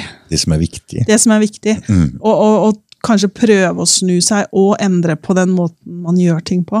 Istedenfor å forsvare. bare Istedenfor å forsvare og angripe Mm. Uh, det som da gjøres annerledes, da. Det er mange ting som Vi er jo inne i en slags sånn brytningsperiode nå hvor verden er i ferd med å forandre seg litt, føler jeg. Mm. Og det trengs. Mm. Men jeg syns det går veldig tregt, da. Ja. I hvert fall innenfor um, akkurat det feltet. Men i Israel og Sveits det er ganske nye ting som de prøver å få i gang nå. Altså I Israel så har de holdt på flere år. Um, Soteria i Sveits er jo egentlig Den har jo holdt på helt siden Lauren Mosher starta Ja. Jeg tror han starta Jeg vet ikke om det var på slutten av 70- eller 80-tallet. Men uh, i Sveits har vært lenge. Uh, Soteria hus i, i Genéve, er det vel det. Mm. Så det har jo vært lenge, lenge. Så det- er dette i Alaska, tror jeg. Så det er litt sånn popper opp rundt omkring i verden, da. Men du sa Israel hadde fått i gang flere nå i det siste? Var det Ja, det er vel, jeg vet ikke hvor gammelt første, når det første kom, Mm. men jeg vet i hvert fall at de fikk utvidet til å utvide det Soteria-husene i Israel. Så de gjør jo en forandring i Israel. Mm. Det gjør de. Mm. Så Det er i hvert fall positivt at det skjer noe. Kanskje det kan være en sånn Ja, men de har jo på en måte, resten av verden har jo på en måte sett litt til Norge. Eh, fordi av at man, eh, regjeringen lovfesta dette med medisinfrie tilbud. Så det har jo vært en del utenlandske journalister som har kommet og laget måte, denne, reportasjer. denne regjeringen? Eller? Eh, ja, altså det var et Støre som først lovfesta at det skulle Eller han hvert fall i 2010. Ja. Så ble det skjedde ingenting, og så påla Høyre det under hans periode, så høyreregjeringen. Ja. Um, og så skulle det være medisinfritt tilbud i alle helseregioner, men det er det ikke. Det har fortsatt ikke det i dag. Nei. Så det er flere helseregioner som ikke har det. Men, så de jeg kjenner, Det er noe i Halden, kjenner ikke så godt til det. Og så er det en da på Åråsen, eller Lillestrøm-området. Og så er det i Tromsø. Um, men, men det er veldig lite I de andre helseregionene tror jeg ikke det er. Det kjenner jeg ikke til. Og så har du bedt Blakstad. Mm. Eh, Seks plasser om rom. ja, men det er jo veldig, det er veldig, veldig fåtall. Så det, og det gjelder da de pasientene som ikke er på tvang. Så, så hvis du er på tvang, så har du ikke mulighet til å komme dit. Mm. Og så tenker jeg det, og så hadde du Hurdalssjøen, de hadde mange, har hatt mange plasser, men nå er jo det Jeg vet jo ikke utsiktene til Hurdal, Nei, når da de har lagt ned fritt behandlingsvalg. for uten støtte fra staten så går det ikke an. Nei, de må jo ha en eller annen finansiering. Tror jeg, da. Altså, de må, jeg vil jo tro det. Ja Ja, eller de kan jo få noe privat, eh, men det Jeg vet ikke. For Så- det koster jo Mm. mye per døgn å legge seg en sånn. Jo, jo, absolutt. De har jo hatt støtte gjennom den fritt behandlingsvalg. For hvis Ja. man først er kvalifisert for fritt behandlingsvalg, Ja. så får man jo da Da er det Helfo som har betalt for de plassene. Mm. Men, Men, jeg har også hatt mange klienter da, som ikke får lov til å komme til Hurdal. Fordi at for å komme dit, så må de bli rettighetsvurdert av eh, en DPS-psykolog eller psykiater. hva På, betyr I det? Hva betyr det? en spesialisthelsetjeneste. hva betyr det rettighets... Jo, du må bli liksom det må, Du må på en måte være behandlingstrengende, da. Altså til Altså, du må ha mul... Altså, du må ha rett til behandling. Men da, Men, men da det Jeg har da hatt pasienter hvor som de har på en måte trenert det. For de mener at den pasienten skal ikke få medisinfri behandling. Så den pasienten får ikke den rettighetserklæringen. Og da får han ikke komme dit han vil, da. men, men, men eh, mange av disse folka trenger hjelp i den 68-ukers perioden hvor de er i psykose. ikke sant? Hvis vi prater om psykiatrien. Mm. Eller, eller er depres depressiv eh, like stor del av psykiatrien som den psykotiske delen? Hva er det? Av psykiatrien? Nei, jeg har ikke tall på hva, hvor Nei, mange nei. som er men altså, hva slags diagno Det er mange forskjellige diagnoser. For en depresjon jo, varer jo litt lenger, um, og da kan det jo være aktuelt. Det tar tid å få altså, Hvis du kommer i en psykose, så vil det jo ta tid å komme inn til DPS og alt det her. Ja, men du den- blir jo lagt inn på lukket post, eller akuttavdelingen, ikke sant? ja, og, Men da har du ingen mulighet til å komme for eksempel opp til Hurdal, eller hva? Da må du bli tatt av tvang. Ja. Og så må du bli rettighetsvurdert til å kunne komme dit. Eller det til en ta, del- kan ikke ta så kort tid. eh, Ting ta, Nei, du får ikke komme dit i en akuttfase. Nei. Det er ingen som får- kommer dit i en akuttfase. nei. Men, altså, men du snakker om ehm, de lidelsene du snakker om, da, som da karakteriseres som de alvorlige psykiske lidelsene. Mm. Um, veldig mange får jo på en måte tilbakevendende, Ja. uh, ikke sant? Ja. Uh, så det er jo ikke noe sånt at det er bare ferdig, kanskje, men det er kanskje, det er kanskje en akutt periode, og, og så blir man liksom Så da er man inne i systemet, og så Ja. neste gang kanskje man kan komme dit? Ja, nei, altså kan man kanskje bli sluppet av tvangen, og så er det noen som får mulighet til å komme dit. Mm. Men da må du på en måte få den eh, erklæringen fra, fra en psykiater eller psykolog, og, og jeg har hatt klienter som ikke har fått det. Mm. Og, og da fordi at de mener at de skal stå på medisin, og de skal stå langvarig på medisin. Så, så selv om de da ønsker seg medisin, medisinfri behandling, og det har eh, Høie sa jo at alle skulle få mulighet til å velge det hvis det var et alternativ. Mm. Um, men i realiteten så gjør det jo ikke det. Og så har du jo hatt en Men hvis det er lovfesta av Støre Nei, lovfesta at de skal ha det tilbudet. Det er ikke lovfesta at du skal Ha det? Nei, at det. du får det. Nei. Det, du, det skal jo da vurderes igjen, da. Men da er det jo den lagt inn den flaskehalsen om at du må på en måte Du må godkjennes av en Eller du må få en henvisning, da, Mm. fra, fra helseregionen. Mm. Er all tvangsmedisinering med- brudd på menneskerettigheter? Syns du? Um, om all tvangsmedisinering er brudd på menneskerettighetene? Ja, jeg syns egentlig det. Mm. Fordi jeg mener at det ikke er medisinsk nødvendig. Mm. For, fordi, for det er krav i EMK artikkel 3, da. Så er det krav om at skal du på en måte tvangsbehandles, så skal det være medisinsk nødvendig. Mm. Og så skal det være, etter EMK artikkel 8, så skal det være forholdsmessig. I forhold til det, ikke sant? At inngrepet skal være forholdsmessig i forhold til det. At Mm. det er et veldig Det er jo det største inngrepet du kan gjøre i et, Helt klart. altså et menneskes Mm. liv. Mm.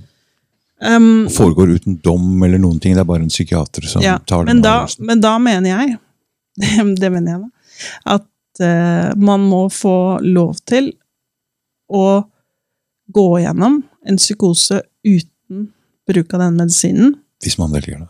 hvis man velger det. Og da mener jeg da ikke kravet. Hvis man ser, altså Det er jo ikke så mye forskning på det her, fordi alle blir gitt medisin. Hvis du kommer inn i den psykiatriske Hvis du kommer på et sykehus, så får du medisin. Og da får du medisin. Det er nesten Er det samme type medisin? Ja. Det er, det er stort sett de samme medisinene som brukes. Men, men det er jo sånn at man da i Vest-Lappland har, og i Soteria-husene, har latt folk gå gjennom psykoser uten Bevist at det går an å gå Ja. gjennom psykoser uten de Ja, du hadde jo da Du hadde Jan Magne Sørensen som gjest, hadde du ikke det? Han har jo jo. gjennomgått eh, seks psykoser, i hvert fall, uten medisin, og det var jo først da han ble helbreda. Ja. Men hadde han kommet på sykehus i den tilstanden, så ville han jo fått blitt tvangsmedisinert. Han lærte seg han å kontrollere de psykosene, eller gå gjennom de. Ja. Så det Men- kan man. Men da, hvordan kan du da si at dette er medisinsk nødvendig? Nei. Kan du det? Nei. Da er det bevist at det går an å Nei, gå ja. en annen vei, da. Mm. Og så kan jeg ikke si at ingen psykoser Altså at det er noen psykoser som aldri går over. Det kan vel sikkert forekomme, det òg. Mm. Men, men, men, men det står i det store norske medisinske leksikon, som er skrevet av Ulrik Malt, Mm. at de akutte psykoser går over av seg selv. Um, Ja. og, og, og Lauren Mosher sin forskning og, og behandlingsmetoder og åpen dialog viser jo også at dette går over av seg selv. Mm. Og da mener jeg at kravet til medisinsk nødvendighet ikke er til stede. Mm. Og det er heller ikke forholdsmessig å utsette mennesker for den belastningen det er, og de bivirkningene de medisinene gir. Mm. Eh, Og ikke la man la de få prøve noe annet. Disse eh, som blir lagt inn sånn, det er jo en lang vei å gå. For legene så sier de jo til pasienten at det er nødvendig at du tar disse. Det er jo log mange, logisk at mange tror på det. Så de som har satt seg litt mer inn i dette, at det går an å gå gjennom en psykose, og velger å gå gjennom en psykose eh, på egen hånd, det er jo folk som har satt seg litt mer inn i, inn i dette. Mm. Det virker jo som ganske oppegående mennesker. Ja, man må være ekstremt ressurssterk da, for Ikke å bli?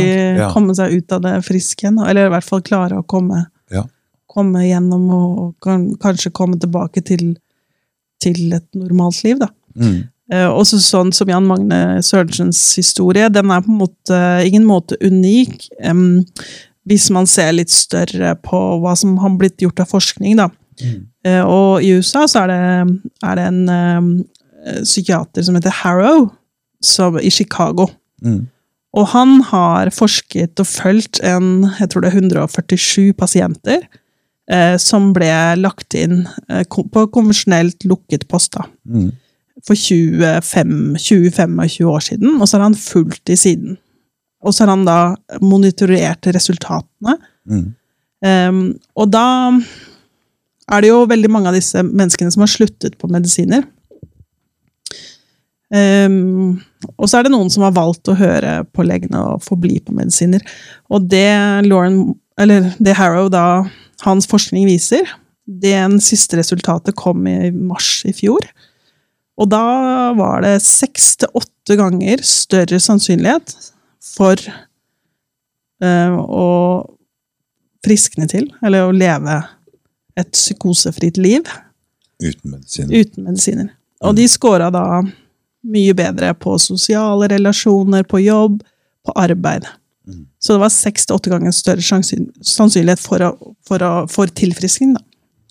Og så var det sånn at han fikk kritikk, han også. Han trodde faktisk ikke på resultatene først, for han var jo vanlig psykiater i utgangspunktet, så han hadde jo hele tiden tenkt at dette her er helt nødvendig. Du må ha, Dette her må man ha. Ja. Så det var på en måte hans innfallsvinkel. Jeg tror ikke han trodde på sine egne resultater når de først kom. Mm. Og så tenkte han ja, men det må jo være sånn at de Det er de sykeste eh, som Som velger å stå. Ja, som velger å bli på medisinen, eller Ja. Mm. Ikke sant? Men så fant han Så begynte han å gjøre enda mer undersøkelser, for han delte det her opp i liksom schizofreni, også bipolaritet, og så litt mindre sånn mindre alvorlige psykotiske lidelser. da. Mm. Og så finner han ut, så han måtte på en måte gå tilbake til sin første konklusjon. Det er at selv de som har den mildeste formen for sykdom i utgangspunktet, Mm. og som eh, velger å stå på medisinen, de har dårligere resultater enn de som tilhørte den heavy gruppa, da, som slutta. Så da måtte han på en måte Dette, dette er argumenter du kommer til å bruke i, i, i, rettssaken, eller hvis du får lov å slippe gjennom neste nåløye og kommer tilbake til tingretten igjen? Vise at det går an å ikke At man kan få bedre resultater uten medisinering, og det bør være valgfritt. mm. Det er dette du kommer til å vise til, eller? Ja, vi har jo ikke Vi har jo Men du må jo fram vise fram at det går an, uh, hvis det fins noen undersøkelser, en masse undersøkelser som, som viser at uh, de får bedre resultater uten medisin. mm, Men det er langtidsvirkningene vi snakker om her. Ja, ja, jeg skjønner det. For det er, det er forskjell på akutt, uh, Ja, akuttvirkning, og du kan si at det er symptomdempende. Altså det er mye som tyder på at det er mye symptomdempende i akuttfasen. Mm, Men det her er snakk om langtidsmedisinering. mm, Som egentlig kanskje Og de rettssakene går egentlig på akuttfasen. Ja, altså fordi det der, der er det Mm. akuttfasen det er snakk om. Da. mm. Men, uh, Men likevel så er det jo vanskelig å gå av disse medisinene etterpå. Du må være ganske sterk og tøff for å klare å gå dem av. Ja, absolutt. Og, men det er jo derfor det er viktig å ha på en måte enheter som kan hjelpe deg med det. da. Mm. Eh, Har vi det? Ja, vi har jo da Medisinfri til i Tromsø og den på... Ja, men For å hjelpe folk å gå av disse medisinene? Jo, det er jo det de jobber med Og det er det de driver med? Ja, Bet, Bet hjelper jo til med det. Å, ja. Og, så det er jo noe av det Så det er avvenning de driver med der? Jo, vel, det er jo en del av det de tilbyr, da. Ja. Men det er jo Ja. veldig mange mennesker som de må da prøve det er, det, Ja, de, de hjelper jo til med det. Ja. Ehm, så er det jo sånn Uh, Og Hurdal hadde jo vel, bygd opp veldig mye og begynt å få mye kompetanse på det. Mm. Så, så de, de har jo jobbet mye med det. Men det er klart ehm, Det å få inn pasienter som på en måte er kronisk eh, Eller har fått et kronisk forløp, og så skal begynne å ta av og sånne ting. Det er mange som har gått så lenge at det er kjempevanskelig. ikke sant? Det Mm, kjempe, mm. så, men, men det de sa på DPS her, her ved Ahus, da, på den medisinfrie der, er at det er ikke noen dårligere resultater de har å vise til. Nei. Så mm, ja, så de jobber der med det. Så det er, det er en hjelp man kan få. Men de hjelper jo til Mange kan jo hjelp- få hjelp på DPS-en også, til å gå av medisinene. For det skal jo være en veldig sånn forsiktig nedtrapping. Mm. Det som er så veldig synd, er at i Nederland så er det noe som det produseres noe som heter tapering strips. Eh, og det er da at de deler opp eh, medisinene, så de, lager, de tar disse tablettene. For de er jo egentlig skapt for at du Den minste dosen Det er nesten ikke mulig å hoppe av den minste dosen. Så du må på en måte Hva betyr det? Det ikke Jo, for det er så stor dose. Den minste, selv den minste pilledosen Ja. den er så stor at hvis du hopper rett av, så vil du antagelig få store abstinenser. Okay. Og søvnsyn, okay. Og så dårlig søvn og sånne ting. Ja. Mens i Nederland så, har de lag, så er det et apotek som da tar disse pillene og så gjør de de om til sånne strips. Så de på en måte går mer og mer sånn sakte, gradvis nedover. I mindre doser. da. Mm. Og det ble importert til de medisinfrie enhetene. Mm. De importerte det. Mm. Og så stoppa norske myndigheter det. Eh, Med henvisning til eh, legemiddel, eller et eller annet eh, regelverk for legemidler. Fordi oh. eh, Så det har jo Ja, så da stoppet de importen av disse stri stripsene, da. Så Det er politikernes mur, eller? Nei, det var et eller annet direktorat, eller altså Ja. Mm. Så, så Men det er liksom sånn Ok, hvis du har en lege som går god for og sender ned en resept til et apotek som produserer et, et, en pille Mm. som er godkjent i Norge, Mm. men det kommer i et annet, mindre format eh, Nei, da er det strider mot en eller annen apotekerlov eller noe sånt. Fordi det ikke er godkjent av norsk legemiddelverk. Det, det blir, det blir jo veldig det er Hvem veldig er det som sitter og finner ut de tinga der, som vil slå bein under eh, det der? Jeg vet ikke, men det her er jo fel altså, dette svaret fikk jo da Fellesaksjonen for medisinfri tilbud. Da. Så mm. det, hva sa du nå? Fellesaksjonen Hva, hva hva er det? Er det, er det, er det mm, Den grupperinga som driver og jobber mot dette, er det et stort miljø, eller er det mange? Eller? Altså Fellesaksjonen for medisinfrie tilbud den Ja. består av uh, pasient- og brukerorganisasjonene. Uh, Ja. VSO, Hvitørn, Ja. um, Mental Helse tror jeg sitter der. Og Mm. sitter um, Pårørendeforeningen der. Mm. Og de var jo, var de som jobbet fram de medisinfrie tilbudene som politisk presset igjennom Ja. det politisk, altså de medisinfrie tilbudene. Mm. Um, og så eh, Den grupperingen består jo fortsatt. Ja. Så uh, ja. Så, så det er jo De jobber jo da for å, å ha alternativer. Mm. Så For mm, du har jo tunge navn som Ketil Lund og sånn inni her. Og Han sitter ikke der, da. Han sitter, men, i, men han er jo også med han sitter i psykiatri- og rettsvernsutvalget Psykiatri- og rettsvernsutvalget. Ja. til ICJ Norge. Altså International Commission. Det er jo jurister ikke sant? som Ja. snakker om ja, menneskerettigheter. da. Ja. Som jobber for menneskerettigheter internasjonalt og i Norge. da. Mm. Så mm.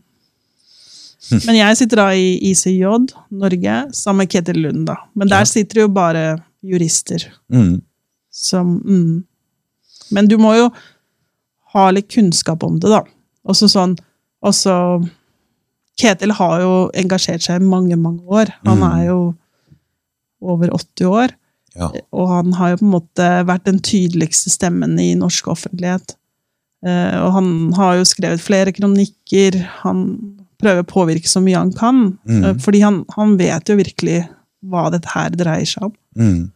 Så det er synd han ikke lyttes til.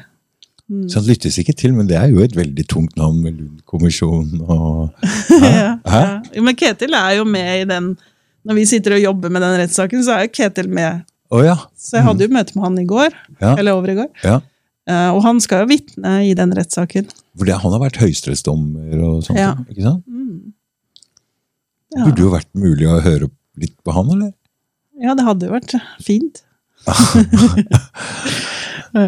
Nei, men jeg, det spilte tydeligvis ikke så stor rolle i tingretten, da. For han hadde jo et han vitnet, vitnet jo der, eller hadde en partsforklaring da, på vegne av ICJ Norge. Mm. Så. Er det en viktig sak dere skal ha opp i april? Er det en viktig sånn eh, Sett fra Hvis dere får gjennomslag for det, så er det mulighet for flere å kan forandre på hele systemet? Er det så viktig? Jeg håper i hvert fall at det er en begynnelse. Ja. Mm. Det, men samtidig, det er jo ikke sånn at vi vinner fram i april, så har vi noe svar på det. For da er du tilbake for å virkelig se på hva Ja, er det som ja, har ja. skjedd. Mm. Er dette brudd? Er dette, har man vært utsatt for menneskerettighetsbrudd her? Og da blir det jo selvfølgelig full bevisførsel med. Mm. Ikke sant? Med Da går det an å få satt, endelig, endelig få satt lys på det. Har Ja. det vært gjort før? Nei, det har ikke vært gjort um, fordi um, når disse sakene er i retten, så er det stort sett uh, en person som er inne på en lukket post. Den har Mm. rett til å på en måte kreve seg utskrevet, da. Ja. Uh, og da skal det prøves. Så først så prøves det i kontrollkommisjonen, og så prøves det i domstolen. Mm. Uh, noen mennesker, det er egentlig ganske mange mennesker, uh, de, uh, når de da kommer ut av sykehuset, så får de noe som heter tvangs, altså tvang uten døgnopphold. Mm. Og det betyr at de må gå og bli medisinert. Um, ja, i hvert fall de, de blir tvunget til å ta medisiner. Mm.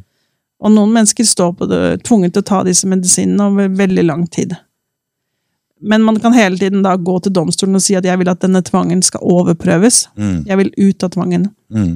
Eh, Men da tar domstolen kun stilling til om tvangen skal være der eller ikke. Mm. Um, du kan på en måte berøre spørsmål om medisinering, men um, det har Så vidt jeg kjenner til, så har det aldri vært full bevisførsel rundt eh, medisinspørsmålet. Nei. Men det har aldri blitt prøvd en ren medisinsak heller, for der har man ikke fri rettshjelp. Nei. Eh, Og det er derfor det har vanskelig for å komme, disse sakene er vanskelig for å komme inn, Mm. på en måte fordi um, det er veldig stor risiko for at man taper. Det er jo veldig ressurskrevende å Mm. føre en sånn sak. Mm. Og så normalt, da, hvis man ikke har fri rettshjelp, så, og man taper, så sitter man jo igjen med en kjemperegning. Ja. Eh, så, og samtidig så er du da dårlig også i tillegg. Mm. Så har man ikke ressurser til Nei, å på en måte gå i en rettssal med det. Mm. Men det har jo vært, det har vært to lovutvalg for å endre psykisk helsevernlov. Den siste er Østenstad-utvalget, den forrige var i Paulsrud-utvalget. Mm. Og begge de to mener jo at tvangsmedisineringsspørsmålet skal, um, det skal Det bør innføres en ordning så man får fri rettshjelp til å overprøve tvangsmedisineringen. Mm. Og det, det sa Paulsrud-utvalget helt veldig tydelig. Eh, og da ble det kom, det, det kom innsigelser da fra staten, da, eller fra regjeringsadvokaten, om at det ville bli veldig dyrt for de aller fleste som gikk i retten for å overprøve tvangen. Det var egentlig tvangsmedisineringen de aller fleste var imot. Mm. Så da mente de at det ble veldig ressurskrevende, Mm. skrev de det høringssvaret. Mm. Eh, og da få dette inn i rettssystemet. Eh, for da ja, så mente de at man måtte ha lekdommere som var psykiatere, og sånne ting, og det ville være veldig ressurskrevende. Og det vil det helt sikkert være, å oppta veldig mye av- av domstolenes kapasitet. Mm. Og jeg tror heller ikke det Jeg mener det hadde vært bedre om man hadde fått et forbud da, mot tvangsmedisinering. Mm. Enn at man skal bruke masse ressurser på å bygge opp et system. Jeg tror ikke retten kanskje helt er egnet for det heller, da. Mm.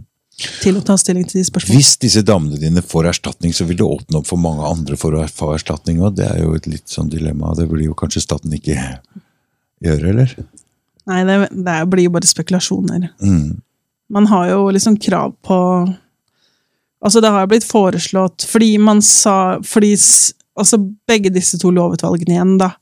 Hvis man leser disse nøye, så vil man jo se at det I loven står det at for å bli tvangsmedisinert, så skal det være stor sannsynlighet for bedring. Og hvis du ser faktisk på kunnskapsgrunnlaget, som også legges fram i disse lovutvalgene, Mm. eh, så er det Jeg tror det var sånn som nå to av ti får bedring. Eller som merker en bedring. Altså det er åtte av ti som medisineres uten effekt. Mm. Det er ikke stor sannsynlighet for bedring. Det er jo en helt subjektiv vurdering også av bedring. Mm. Eh, Det er da de rundt som observerer at du blir bedre, eller er det eh, Så sier du, får du medisin, så sier de ja, nå har du blitt bedre, du har fått medisin. Noen av de, mange putter medisinen i kjeven eh, og ikke spiser de medisinen, og så sier de ja, men nå har du, nå har du blitt bedre, du har tatt medisiner. Mm. Og noen viser fram pillene da. Mm. Um, og det, det er, da er det jo noen som da får sprøyte, da. Ikke sant? Fordi de har ikke tatt den medisinen. Uh, så, men da er det spørsmålet er det, Går du over av seg selv? Er det, er det hva, hva er Altså hvor Hva er sannsynligheten? Og hvis du ser på det kunnskapsgrunnlaget, så er ikke kravet til stor sannsynlighet oppfylt. Mm. Og dermed mener man da, og jeg tror det var Sivilombudet som sa at det virker som det da kan ha vært ulovlig tvangsmedisinering siden 1981, fordi lovkravet ikke er oppfylt. Mm. Um, og så, et, i etterkant av det, så har jo blant annet Ketil Lund skrevet at man burde kanskje innføre en erstatningsordning for alle som har blitt ulovlig tvangsmedisinert siden 1981. Altså en type masseerstatning, da. Mm. Er det mange? Ja, det er jo mange. Har vi noe tall på dette? eller? Um, nei, det sto det ikke noe i den artikkelen vi leste her om i stad. men, eh, Det er mange mennesker. Mm. Men kanskje i et perspektiv på millioner er det jo ikke det, men Men Tvangsforsk har jo tall på tvangstallene, da. Tvangsforsk? Ja, Tvangsforsk. Ok. Mm. Så, ja. Nei, vi har jo vi har jo, altså Det er jo sånn debatt i media om samtykkekompetanse som kom i 2017, og politiet har jo vært ute, og vi har fått flere drapsmenn, eller drapsforsøk og sånne ting, og det er pga. samtykkebestemmelsen, sier de. Er Hva, med hva er det for noen samtykkebestemmelse? Nei, samtykkebestemmelsen er jo, som kom i 2017. Det ble innført som følge av at vi hadde ratifisert eh, noen menneskerettighetskommisjoner. Mm. Det følger jo egentlig også av EMK. At hvis man er samtykkekompetent, altså man er, man er i stand til å ta et valg, Mm. eh, så skal man kunne velge sin egen helsehjelp. Mm. Eh, Så det betyr at når man kommer ut av den akutte fasen, Mm. og så blir man på en måte eh, Ja, du, du blir eh, normal, da. Ja. Eh, Så skal man kunne velge Mm. om man vil fortsette på de medisinene eller ikke. Um, og, og så har man påpekt at ja, nå er det så vanskelig å tvangsbehandle pga. den bestemmelsen. Mm. Men så kan vi gå litt ned tilbake igjen i tallene, da. Fordi den bestemmelsen kom i 2017. Mm. Men tvangstallene i Norge de bare går oppover, oppover, oppover hvert eneste år. Så de har økt. Selv om vi har fått en lovbestemmelse som burde tilsi at det burde vært mindre tvang. Kan de, hvordan kan de tvinge deg når du, for at etter den akutte fasen og du er blitt normal igjen og du er ute, hvordan kan de tvinge deg til å ta medisiner da? Ja, da mener noen, da, eller de som skal For er, ikke, da er du ikke lokka inn eller noen ting.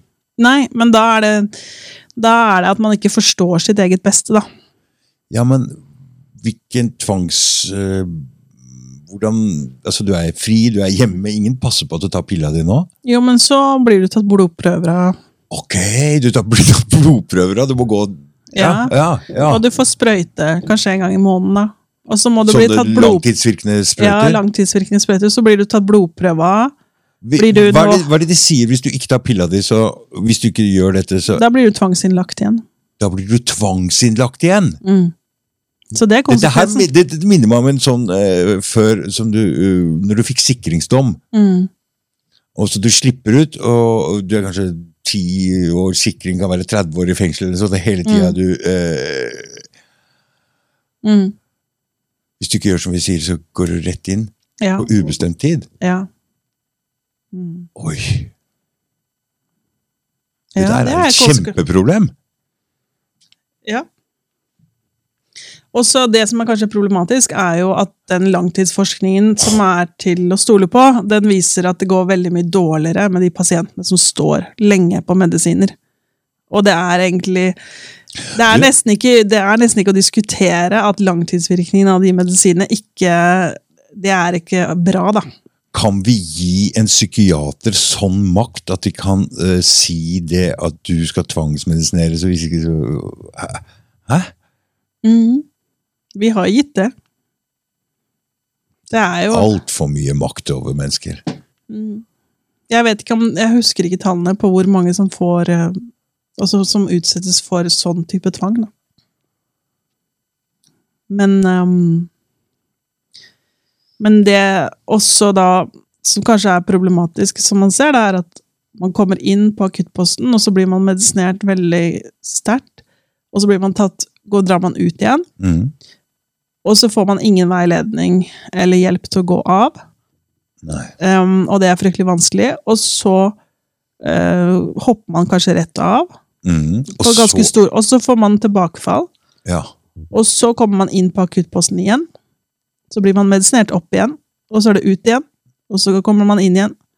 Og så sånn fortsetter det, hvis ikke da man får den hjelpen til å gjøre det. eh, Jeg forsto Jan Magne sånn som at en sånn psykose er egentlig en prosess som man må igjennom å være egentlig nykter og klar og prøve å, å, å, kontrollere sjøl.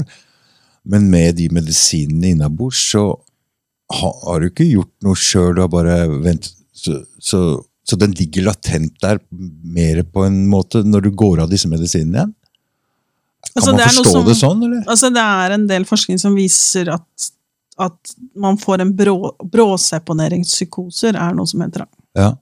Men nå igjen, da, så er jeg ikke Nei, lege, nei, jeg så jeg vil bare si nei, at jeg prøver dette er tatt med alle forbehold, og hvis man skal prøve bare- å gå av, så må man få hjelp. altså, Ja, ja, ja. Ja. Jeg prøver å ja, eller, tenke eller, og, men noen sier jo ikke sant sånn men, men det, de, det så sier de, ja, men du må stå på disse medisinene, for du har den, og så må du stå sånn, ellers så får du de tilbakefallene. Men så hvis du går da inn i forskningsresultatene, så ser du at de som står på medisinene, de har mye høyere tilbakefall, også selv om de står på medisin. mm, De har mer psykoser, Mm. selv om de står på medisin. mm, Og jeg tror at det var Harrow som skrev i sin siste forskning, da, eh, når han publiserte det, at å gå Det virket som man hadde en psykose Altså, å få disse medisinene var som å ha en psykoseknapp i hodet.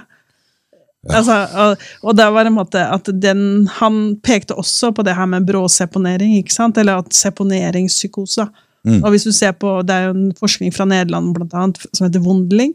Og Da ser man at akkurat i begynnelsen, når man har, prøver å gå av, de to første årene, så er man veldig sårbar for tilbakefall. da. mm.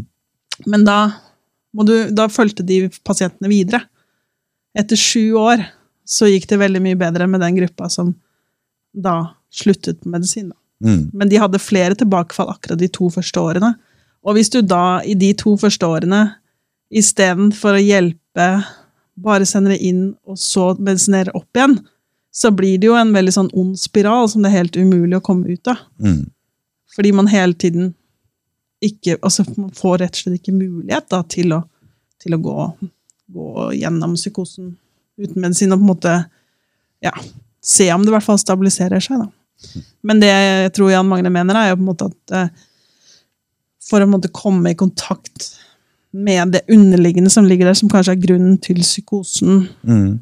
så, så blir på en måte eh, medisinene demper på en måte muligheten til å på en måte gå gjennom den prosessen. Da. Mm. Men jeg tenker også det er veldig unikt da, å kunne klare alt alene og gjøre, gå gjennom sånne De fleste mennesker vil jo ikke klare det, og heller ha ressursene til det, eller støtteapparatet rundt. Så derfor mener jeg at man må ha et man må ha et helsevesen som tillater at man er i den tilstanden, og som tåler det over mye lenger enn Nå er det noen dager før man kan begynne å medisinere, men man må tåle det i ja, minst seks uker, kanskje. Mm. Og la den personen kunne hele av seg selv, da. Mm. Men da er det jo også det trange ganger. De er ikke store, de lukkede postene. Det er veldig små områder. Mm. Eh, sperre inne da, masse mennesker Nei, det sammen. der. Det går ikke, det Nei, går ikke nei, det. Det går ikke. Ikke sant? Mm, Og da, da, må da må man se da, til, til etablerte miljøer hvor det har blitt Fungert. gjennomført. Og da, jeg mener jo da Jeg har veldig sans for åpen dialog og Vest-Lappland og det Seikola de har fått til der. Mm. Og ikke minst fordi at de har gjort det innenfor eh, det offisielle systemet. Altså det er I Vest-Lappland så gjør man det sånn. Mm. Det er ikke noe alternativ. Ikke sant? Det, ja. Og det er det offisielle policyen i Vest-Lappland. ja. Og så kan du spørre hvorfor klarer de ikke å gjennomføre det i resten av Finland? Men det går kanskje på vilje, da. Til å Eller Det er jo utrolig bra at det fins sånne steder som kan vise at det går an. Ja, men da er det sånn Hvorfor blir det ikke Nei. Nei. Hvorfor følger Nei, man ikke etter? Ja. Men i hvert fall så håper vi at disse retts, eller denne rettssaken, som har fått litt medieoppmerksomhet, da, Mm. um, kan få ja, de som bestemmer, til å tenke annerledes. Mm. Em, til å tenke ja, men kanskje dette går an. Mm. eh, At man kanskje kan bli litt mer opplyst. Mm. Eh, og ikke minst så er det utrolig tøffe damer som tør å være så åpen. Ja. De har invitert, de har åpen rett. Ja. Det er lov til å komme og se. Mm. I andre psykisk helsevernsaker så er det lukkede dører. De viser hele seg med hele sin sårbarhet. Mm. Og det er utrolig tøft gjort. At de tør å være det ansiktet, og ikke minst få Mm. på en måte De sier 'jeg har vært psykotisk', Mm. Mm. Mm. og det eh, Det er så mye stigma Ja, rundt den, den tilstanden ja, den at det er så tøft å Ja, gjøre det, altså. Å tørre å være den, og ikke minst å gå igjennom den psykiske prosessen og bli slakta da, av sant, staten. For det er jo virkelig Du får virkelig liksom eh, Virkelig liksom vrir og vender på De vil jo selvfølgelig skal de beskytte De skal forsvare staten, Ja. men samtidig så er det jo deres personlige historie, da, Mm. som på en måte Ja. Og, det er, ja, Mm. og, så, og som også blir angrepet, da, på en måte. Er det sånn at uh, det vil hjelpe den eh, Nå var jeg en sånn vaksinesak oppe i Hamar nå. Mm. Og vi, det var mange som kom. Det var uh, to fulle rettssaler. og Det var ikke mulig å få plassert foten sin innafor. De sto langs vegger og overalt. Mm. Tror du det kan påvirke eh, noe som helst? At det kommer mange folk og følger rettssaken? Mm, jeg vet ikke om de lar seg påvirke, disse dommerne, altså, men Nei, eh, nei. Men, eh, nei, men, jeg, men man, det er, snakkes jo om det kommer jo Det er jo folk som ønsker å stille for å vise støtte, da. Mm. Så om de lar seg påvirke, vet jeg ikke. Men eh, Nei, men det, det viser i hvert fall en viss eh, publisitet, da. Ja, De må jo tenke seg om litt flere ganger hvis de ser at det er mange som bryr seg om det her. Så må du, eh, Ja, jeg vet ikke. Nei, jeg vet ikke, jeg. De er fryktelig profesjonelle, de dommerne. De står jo ja, i ja. veldig mange saker, ikke sant? og alle mulige ja, ja. Så jeg vet, jeg vet ikke hvordan, om sånne ytre omstendigheter påvirker, da. Men, Men er eh, vi- det er, men de har sak, sagt at det er åpne dører. Ja. De har sagt det er åpent. Mm. Um, det var ikke kjempemange som kom i tingrettssaken. Nei. Men det var ikke så veldig mye, det var ikke så mange som visste om det heller. Nei, Hvilken dato er det der? Det er 18. til 20. i Borgarting. I Borgarting, ja. Mm. Og tre, to dager 18. til- 20. er tre dager? Det er tre dager. Bare for å prate om de to uh... Ja, de prosessuelle spørsmålene. Uh. Uh. Oh. Mm. Så det er, eh, det er veldig det er veldig krevende, da. mm, Det skjønner jeg. Eh, og så har vi ikke kommet Vi er liksom i Har ikke kommet til rettssaken ennå! men vi har jo nesten er vi bare i start. eh, og så så kan du tenke deg, da, For dette spørsmålet, da, Ikke- så er det da lag, Hvis vi taper igjen, så Ja. må vi jo anke, selvfølgelig. Ja. Eh, og kanskje staten anker hvis de taper, og da blir Ja. det Høyesterett på bare de spørsmålene. Og så Mm. begynner man på nytt, da. Da begynner først rettssaken. Hvis, Ja, altså hvis hvis vi kommer taper. Hvis der, Men hvis vi taper i Høyesterett, da har vi tapt alt. Så da må vi jo inn til, da må vi til Strasbourg. ja. Så da, og det, dette her tar jo kjempe... Nei, altså, da blir det jo Strasbourg. ja, blir det blir det, ikke sant? Ja, ja. det Ja, det. ja, ja. ja, men det er jo planen, det er jo målet. At det, det blir jo Strasbourg, hvis ikke Ja, Så nå hører dere det, lagmannsrettsdommere. Det blir Strasbourg hvis ikke Jeg vet ikke om det blir seg om det heller, men eh, Nei, men eh, det, det er jo det. Altså, dette er jo på en måte dette er jo en, det er jo en større, på en måte det, det er jo, Vi er mange, ikke sant? Det er, ja. Vi har jo vært en gruppe med folk fra pasient- og brukerorganisasjonene. Det sitter fra ICJ Norge, ikke sant? Også mm. Det er mange som er engasjert her. Mm. Um, og vi har jo også blitt fulgt av Ellen Ugelstad i hennes nye film The Recovery Channel. Ok. Så det er liksom, det er på en måte et større prosjekt da, som skiller seg fra det jeg gjør til daglig. Ja. For jeg jobber jo mye med van, altså ikke, med mange psykiatrisaker, da, vanlige saker, sånn, Mm. hvor folk ønsker seg utskrevet. Du blir spesialist på det her nå. Ja, men jeg liker godt å jobbe med andre ting også, da. Ja. Så jeg, jeg syns, ja, jeg liker veldig godt å jobbe med andre, andre typer juss. Mm. Og egentlig har jeg jo jobbet masse med kontrakter og oh, ja. Ja, så, så det Ja. Jeg kan, Er det to syns det er tungt å drive øh, og skal hjelpe folk som er i problemer hele Ja, det kan være ganske tøft. Mm. Mm. Også det at du har mange kanskje klienter som står i en virkelig krise, da.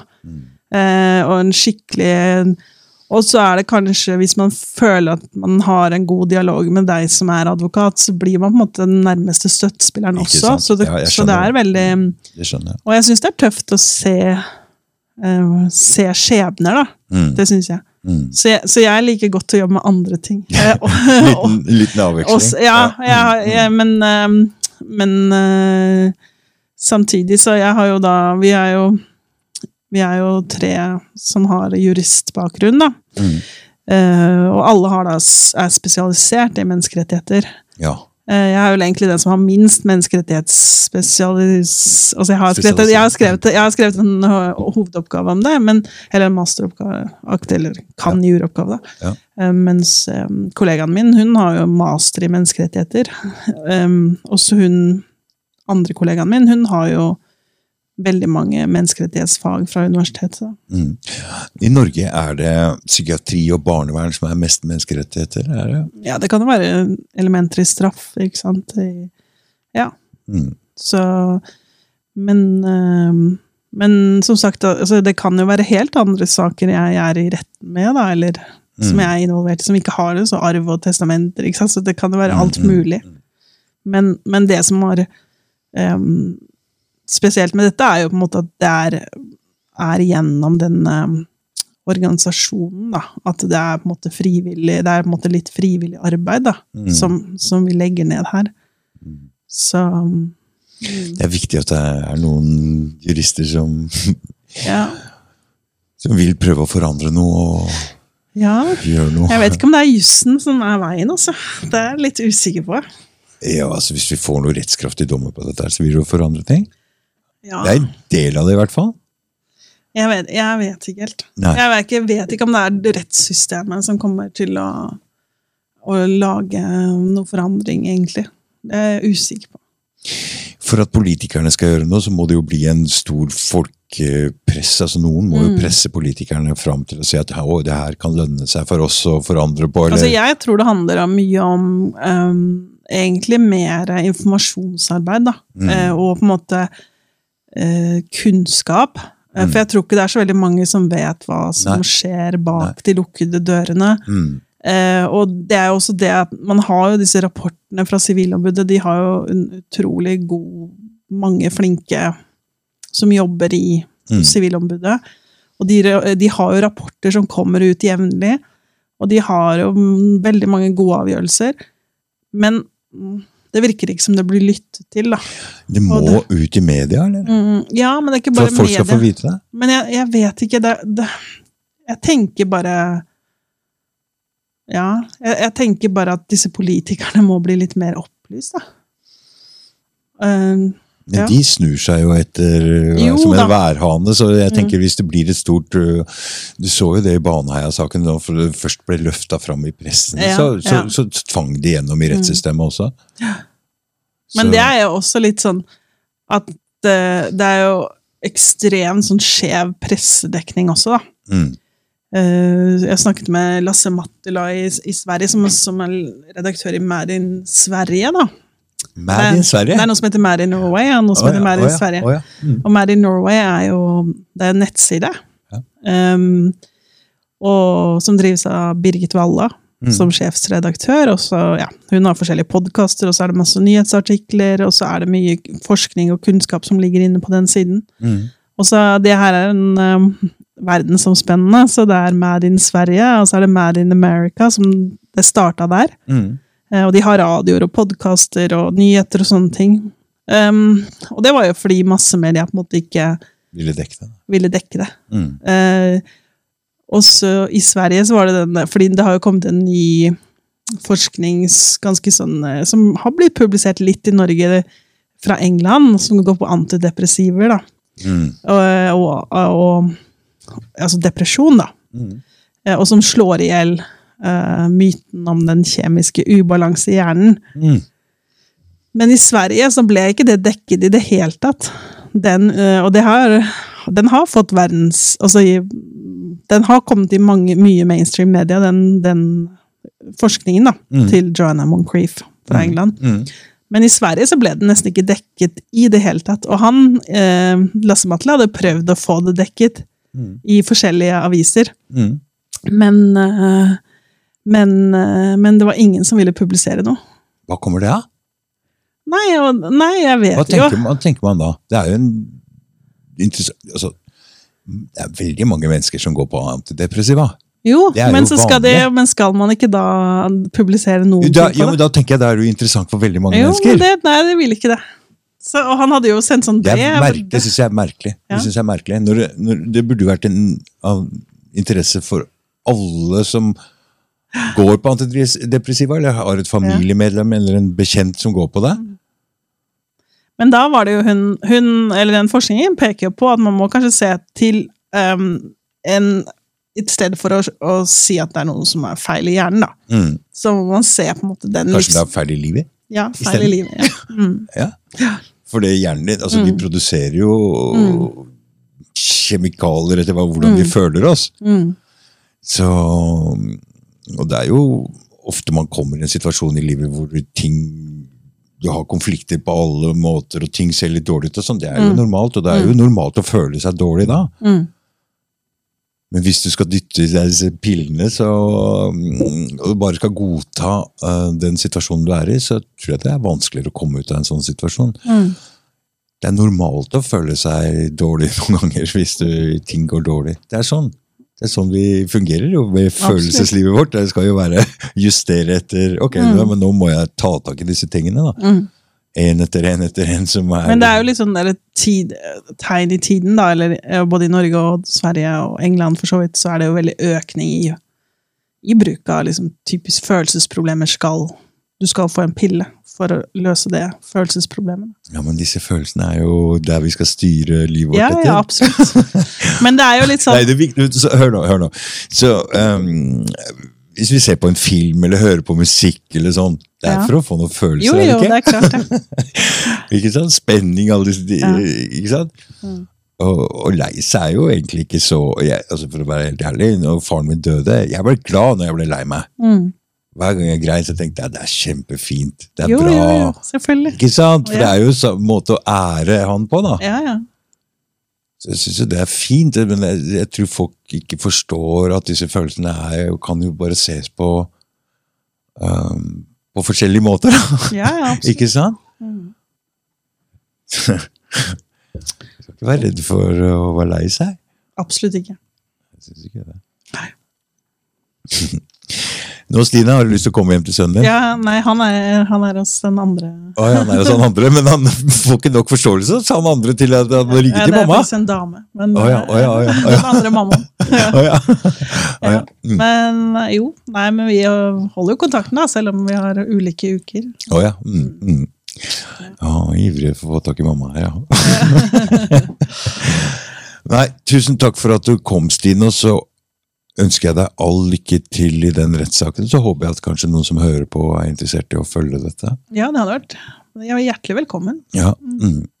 Og du må hilse de to damene og si at uh, takk for at de velger å være Og tør å stå fram sånn, og, Ja.